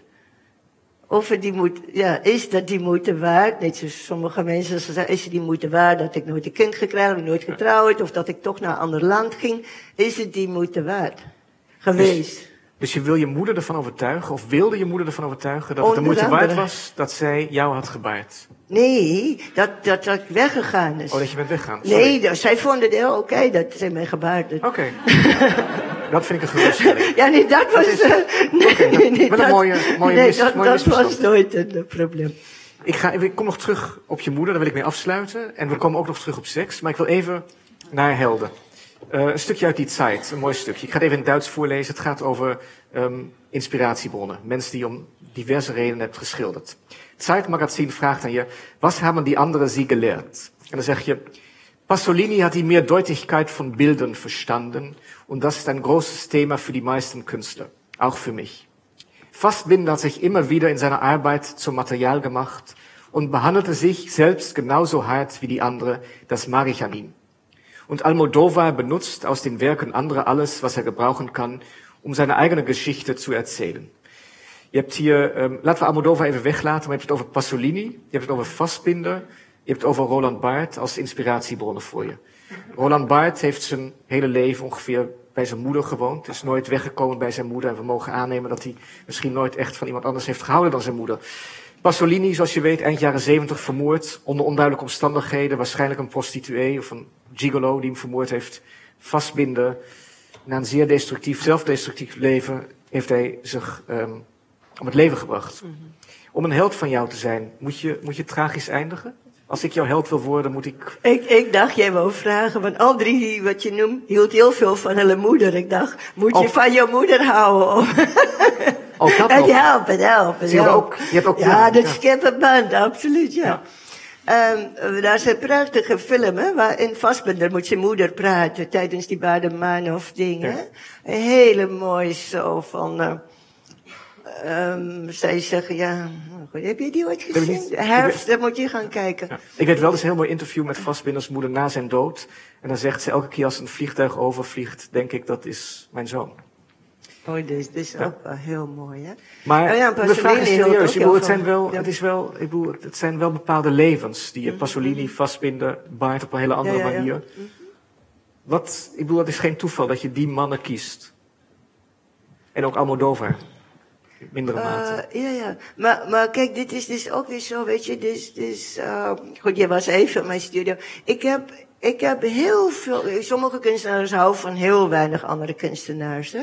Maar het is ook, zeg weer eens, is niet zozeer eh, goed of slecht, maar dit is, um, ik heb wel heel veel mensen, wat, ik, ik heb veel van andere mensen geleerd, of ieder geval één zin, of één ding, wat, wat, of iets. En, um, en uh, dus toen, toen ik die. Uh, ik heb zij nu gekozen, deze drie specifiek, omdat ik toen weer met zij bezig was. Toen ik, toen ik met die manifesta in Rusland kijk naar die gay mannen. Ja. Toen was ik verbaasd. Want toen kreeg ik weer kritiek, waarom heb ik niet die gay vrouwen geschilderd? Maar weet je, het is niet een opdracht geweest. Ja. Ik begon ook onder andere, ik bedoel, uh, het viel mij op dat veel van Jean Genet. Uh, is ook een, een, uh, heb ook voor mij veel betekend. Het veel van die mannen die soort van gay mannen was, wat ook hield van de moeders en zo. Uh, mijn, eerste groot liefde die zei maar, als je zoveel van je moeder houdt, zul je nooit genoeg van mij kunnen houden. Dus ik bedoel, het spelen ook wel Mag ik dat laatste even herhalen? Dat vond ik interessant. Mijn eerste groot liefde, Ja? toen ik zo'n twintig was, en Ja? zeg, als je zoveel van je moeder houden, dan zul je niet genoeg van mij kunnen houden. Dat zei die, die, me- die Mijn eerste groot liefde. tegen jou. Ja, ja, tegen mij. Ja, ja. Omdat ik ook zoveel van mijn moeder hield. Nee, maar, maar ehm over helden en dingen gesproken. Ja, ik heb niet zozeer... Je hebt ook eh, eh, toch een beetje bij de schilderkunst houden. Je hebt ook zo van die, die kunstenaars die houden dan zo van een schilder... en die gaan dan ook zo schilderen zoals die schilder. Dit heb ik dus ook nooit gehad. Dus eh ik ben een groot Picasso-fan of zo... Maar als je me nou vraagt, je weet dan, dat is dan specifieke dingen eh, van Picasso, die huilende vrouw, die dit en dat. En, en vooral ook vaak zijn uitspraken. Dus, um, dus heel veel, um, dus, ja, hoe moet ik zeggen, die, die specifieke gro- groep heb ik ook toe gekozen, omdat ik daarmee echt toe bezig was. Ja. En dat viel mij op dat, uh, um, maar die, al die mannen hebben wel zoiets, kijk jou zo van Coetzee, maar die heb, jij ook een beetje, heb ik ook een beetje die ding van, uh, J.M. Coetzee is ook iemand wat um, uh, hemzelf beschuldigt. Jij hebt zo'n woord gebruikt. In zijn werk. Zelfbeschuldiging. Ik, wat ik mij heel erg soms erger aan kritiek wat ik krijg. Kritiek kan ik wel hebben, maar dat, dat ik lever hen die kritiek. En dan gaat mijn eigen woorden tegen mij gebruik, weet je. is- ja. Omdat ik geef hulle die kritiek. Omdat je dus jezelf, uh, de deel is van jouw ding om, om Nou, zelf te beschuldigen.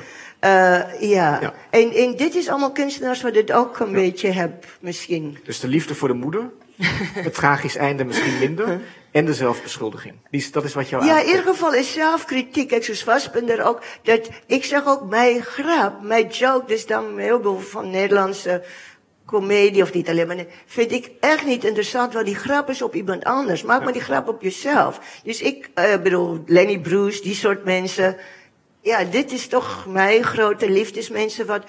Um, ja, waar die, die joke is eigenlijk op jezelf. Want jij is deel van dit. En, en, en mensen wat dit goed kan doen, Vastbinder deed het ook ontzettend goed. En, Zit er, is het een hele dunne lijn tussen de zelfbeschuldiging en de zelfhaat?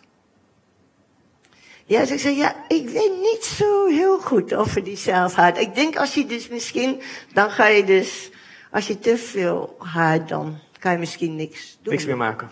Ik denk dus, uh, ik wil toch, ik weet dat ga stoppen, maar Nee, we misschien gaan- ik heb kan nog twee, maar oh, ik- oh, want we ik kunnen heb nog één doen. ding, maar doe Ja, jij ik- eerst, doe jij eerst. Wat wil je eerst? Maar we eens kijken of we er nog het is nu half tien en ik wil daar niet meer te lang moeten doorgaan. stoppen, maar nee, nee, nee, we, moeten, we, mogen, we mogen hier tot, tot morgen zeven uur blijven, maar dat doen we niet. Oké, Ehm, jij ik, nog ik, ik had nog even, ik had nog seks en moeder. Dus Oh, één ding seks, één ding moeder. En wil jij nu eerst? Of? Nee, nee, jij eerst. Dan gaan we naar seks. Misschien hoef ik dat dan niet. Peepshow Europe, 183. Weer een mooi citaat. We gaan even terug naar Sweet Nothings. Het heet United Europe. I never meant to stay. I suppose that's what they all say. It was my first time in a peep show. So when the girl smiled at me, I said, only looking. And she replied, that's how I got started here too. Ja. Nou, dat, dat is dus een stukje wat echt gebeurd is. Ik was met die Zuid-Afrikaanse schrijfster Marleen van Niekerk. Die ook hele mooie gedichten heeft geschreven over jouw werk. Ja, en, en wij hadden dus echt... Uh, met, met Corbijn was ik nooit direct in de piepshow. Daar waren we echt van die piepshow. En dit meisje kijkt naar ons en ze zien hier staan twee vrouwen. Ook, en ze doen nog haar ding. En toen... Uh, uh, ja, zoiets was daar. Dus een contact is ook alweer lang geleden. En ik vond dat een uh, mooie metafoor voor dat ik het ook altijd gezegd, ik ga altijd terug. En op een zeker staan zei mijn moeder, wanneer kom je dan terug? En toen maak ik zo grap. Ik zeg, nou, als ik dan bekend ben. Zei mijn moeder, maar ben je dan niet al lang bekend? Ik zeg, nee, maar zo werkt het niet. Eigenlijk word je nooit echt bekend. Oh, nu, nu, nu, ga je heel snel. Nu ga je echt te snel. Terug, je wil niet terug naar de piepshow. Ja, maar ik wil alleen maar zeggen, maar dat was dus echt zo in die hockey en die piepshow, Ja? waar uit dat Ja. stukje komt. Want ik gezegd bij Corbijn, ik had gedacht dat hij veel meer zou genoten van striptease. Maar volgens mij geniet Genoot ik jij meer? eh, meer van stripteasers. Maar kijk, jij me die Segal ge- geweest. Ja. En zo zeg, dit is heel goed, dat soort kunst. Even Maar- uitleggen, Tino Segal, kunstenaar, die had een performance in, in Stedelijk. Ik was onderdeel voor zeven dagen als een van de Ja. ehm, uitvoerende performers. Ja. Ja. en ik vind het heel goed ook dat dat het gedaan is. Maar ik, was, ik zelf hou nog een beetje van die oude theater. Zoals ik eh, hou van die striptease bijvoorbeeld. Waarom hou je van striptease? Wat is er zo nou, mooi aan striptease? Nou, weet je, toen, toen, ik, eh, toen ik op kunstacademie naakte modellen, mijn broer, wat in die theologie zat, die zegt altijd, waarom mag jullie nou naar naakte vrouwen kijken? Want jullie zijn dan kunstenaars, jullie mag de tekenen, maar ik mag geen naakte vrouwen zien. Dus hij vond het erg onrechtvaardig, hij had een punt. En, uh, en toen, maar die, die mensen wat poseren, die poseerden altijd zo ontzettend onerotisch. Dus wij waren helemaal niet geïnteresseerd. Niemand wou meer die, Die eh, naakte, die nee, naakt, eh, weet je. En wij zaten grapjes te maken en wij vonden het vreselijk. En, uh, en wat dus bijzonder is, dus toch aan, aan, aan die striptease, met alle dingen wat daar verder niet goed aan is of zo, maar is dan, dan zie je dus... duidelijkheid, hè? ik zit hier niet als moralist. Nee, nee, dat weet ik. Ja, Ja? ik weet er voor jou hoef ik dat niet te Nee, vertellen. nee, ik maar ook ben- die mensen die jij... Maar je, Nee, maar ik bedoel, nee, maar ik bedoel alleen maar, want daar heb ik ook, weet je, als ik jonge mensen schilder, zeg waarom is al die mensen jong, is wel niet oud, dan zeg ik, ik kan ook oude mensen geschilderd. Dus ik heb alle kritiek al ooit gehad, dan noem ik het maar. Maar ik wil zeg maar daar, dan, uh, die, die verschil in die lichamen van die vrouwen is fantastisch om te zien. En ook, dus, het verschil tussen de, de striptease kunstenares en de modellen op de kunstacademie. Ja, sowieso, maar ik bedoel ook onderling tussen Onderling, hen. Hè? tussen- ja. Dus en ook hoe iedereen zijn muziek kiezen en toch ook met jou een relatie Flirt. hebben. Relatie? Ja, oh, sorry, ja. Uh, Relatie. Een korte moment. Eigenlijk heb je de mooiste relaties met striptease modellen en taxichauffeurs. We hebben toch wat geleerd. En je moeder. Maar- lijken heel erg op elkaar. Maar, oh, ik was, nee, maar ik wil maar zeggen, dus over die theatrale aspect ook van, van de relaties, wat toch een, ik moet het denken dat die Segal, heb het ook, hè. Maar dan, zou ik zeggen, ik, ver- ik verkies dan soms, Maar Segal is juist niet erotisch. Nee, Zelfs nee, als je nee, mensen nee, laat nee. strippen, is het niet Ja, nee, ik wou net zeggen, zo, dat is, dat is interessant, die verschillen. Oké, jij gaat naar die moeder? Nee, nee, ik, nee, Nee, mag nee, nee, verder. ik wil niet te lang over, nee, nee. st- Nee, nee, Zijn we klaar met de striptease? Ja, ja, we laten die stripjes Maar even nog, even, even- nog mooi, dan gaan we weg van de striptease. Jij van, jouw broer beklaagde zich dat hij geen naakte mensen zag.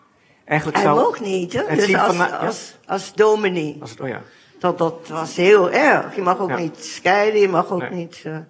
nee. Zou, Nou, zou het zien van naakte mensen een mensenrecht moeten worden? zou het moeten worden opgenomen in de verklaring van mensenrechten?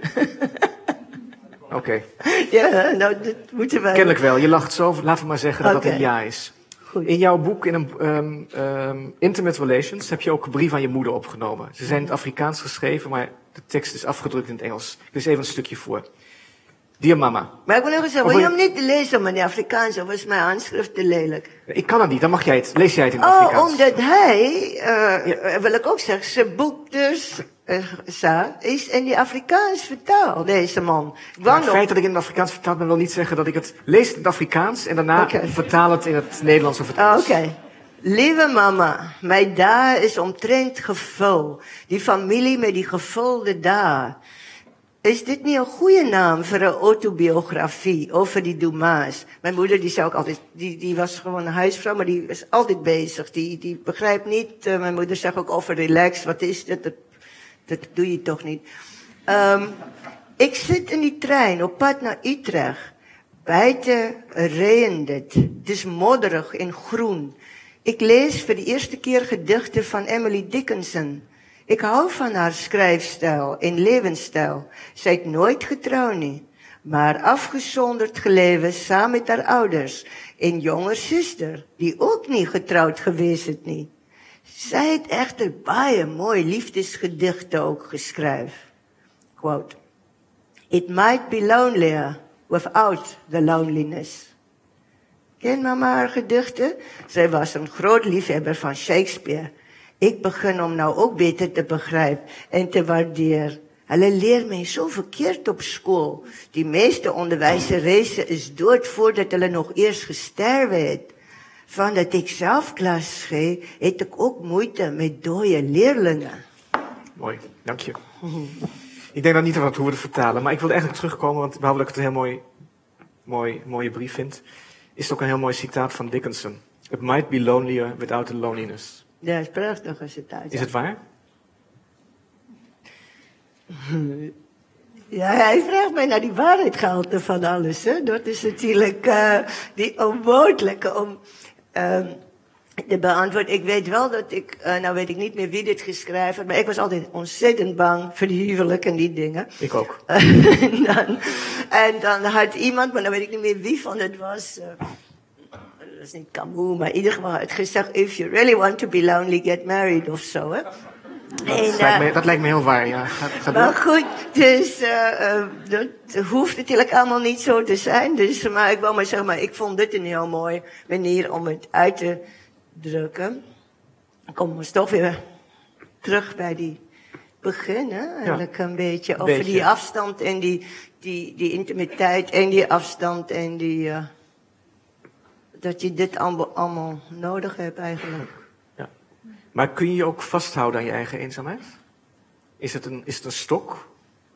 Een, een instrument ja, om je door het leven mee te slaan? Ja, maar ik denk, nu, ik denk eigenlijk niet zo in dat termen. Hè? Dus, Welke termen uh, denk jij dan? uh, ja, nou... Mm, um, dan ga maar nog niks zeggen over... Uh, over? Over mijn privéleven. Ik niet. Nee, nee, nee. nee, nee, nee, ik, ik ga, nee, maar, nee, maar, ik, jou... nee, maar ik bedoel, omdat ik denk nog niet meer zo van... Ik ben veel ouder dan jij natuurlijk. Ik bedoel...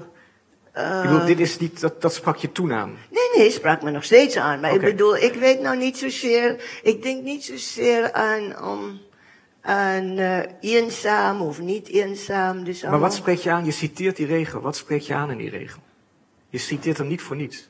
Ja, nee, maar wat, wat prachtig is natuurlijk, is dat ding van... Ja, maar goed, is ook taal, hè. Kom oh, is taal, oké. Okay. Taal. Nee, maar het is dat niet is, alleen okay. taal, maar taal is zo belangrijk. Kijk, daarom ook in die boek, ik ja. wil maar zeggen, tussen die Nederlands en die Engels. Dat ik zo vaak had dat, dat mensen, ook in mijn laatste boek, dan vertalen, ik wil catalogus, in die Nederlands. En dan... Dan is die hele woordspeling weg. weg hè? Ik bedoel, dit is het like van Dickinson. Is, ik bedoel, en dus ook een beetje met die schilderkunst. Dat, dat je dus niet allemaal alles gaan doen om dit en dat uit te drukken, maar binnen die ding of zo, dus wat mij interesseert, en daarom hou ik ook zo van die dichtkunst, dan die, die woordspeling op die loneliness en zo. Ik, ik begrijp het ook wel, maar ik bedoel, dit is, is toch nog die mooiste daarvan. Ik ben niet helemaal nee, tevreden, maar ik laat, je, ik nee, laat maar... je ermee wegkomen. Ik laat je er dan, dan, dan, dan, maar, ja, maar, ga ik ja. hem nog in ietsje ja. vragen. Dan gaan we, nee, maar goed, wat, wat kan ik nou daarop zeggen? Is ik goed. bedoel, Ga maar. ik bedoel, ik kan... We spreken er later over. Ja, dit, dat is van die soort dingen, die moet je dan... Op ik verkleed andere... me wel als taxichauffeur of stripdanseres en dan komt het goed. Kijk, en dan wil ik dus zeggen, kijk, een andere reden waarom ik toch dacht, ik moet die gesprek met die uh, meneer Grunberg doen, alhoewel ik, uh, het is eindelijk, oké, goed. Is, uh, oh, jij hebt ook een keer in 2003, maar dit was over, die man uh, uit een andere tekst, dat vond ik wel ook een mooie, wat die man toen gezegd heeft, waarvoor kunst goed is, hè? om niet met die mensen te hoeven te leven. Dat was ook een uh, dubbele ding, maar er is ook iets met boeken. Oeh, zit, zit het nog Zit nog goed, ja. Maar, maar uh, mijn hele leven had ik dus ook mensen wat houden van boeken lezen, of kunst kijken, of dat dingen kijken. En mensen willen niet, of omdat hulle niet kan, of hulle niet. En, en dat was altijd een moeilijke iets. Want die mensen, om een boek te lezen, moet je ook alleen zitten.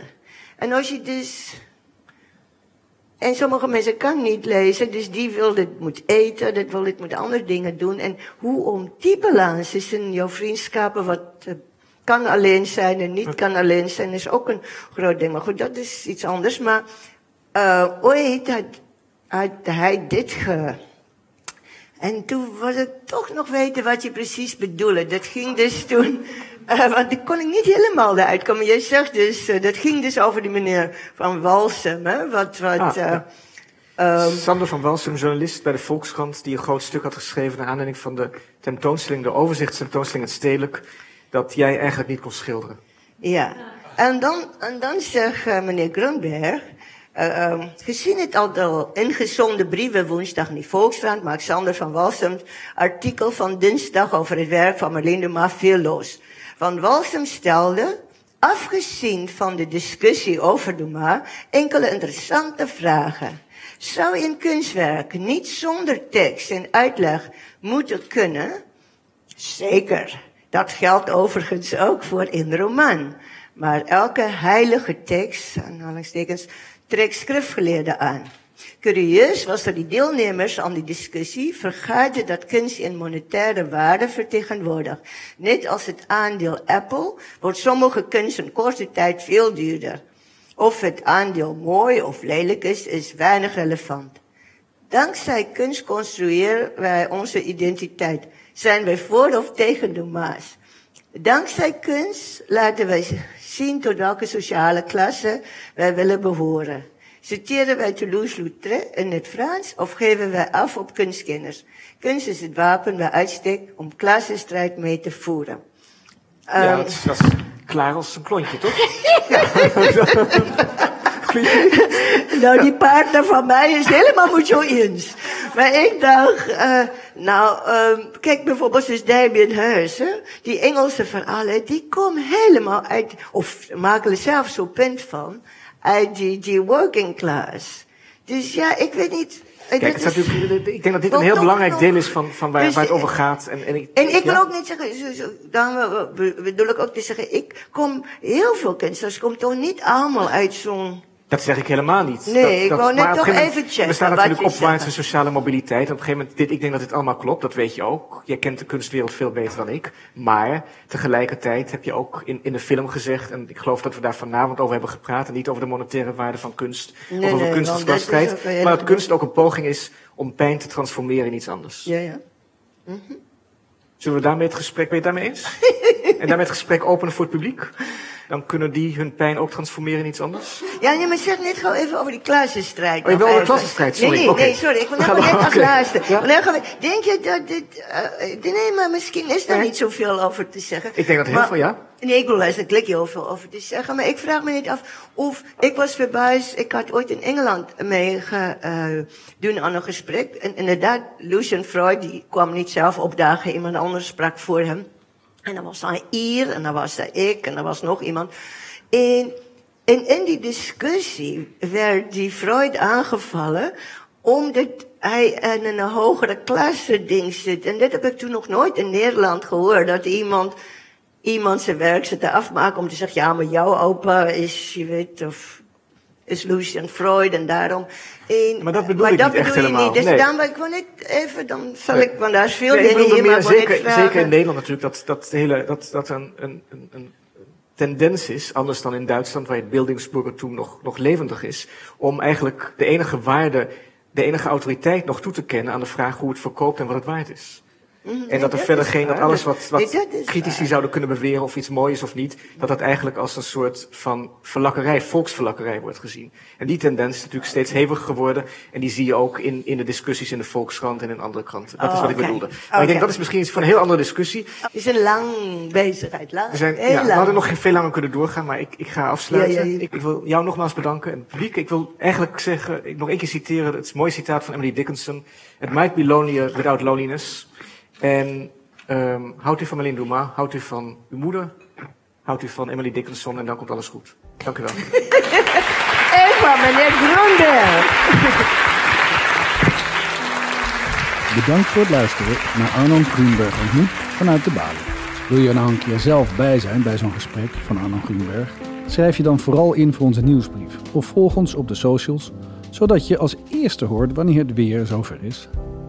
Over twee weken weer een nieuwe aflevering. En dan hoor je dit. Wat ik wil laten zien is dat angst helemaal niet alleen een negatieve emotie is. Het is ook iets wat je, waar je door moet om te kunnen leven als mens.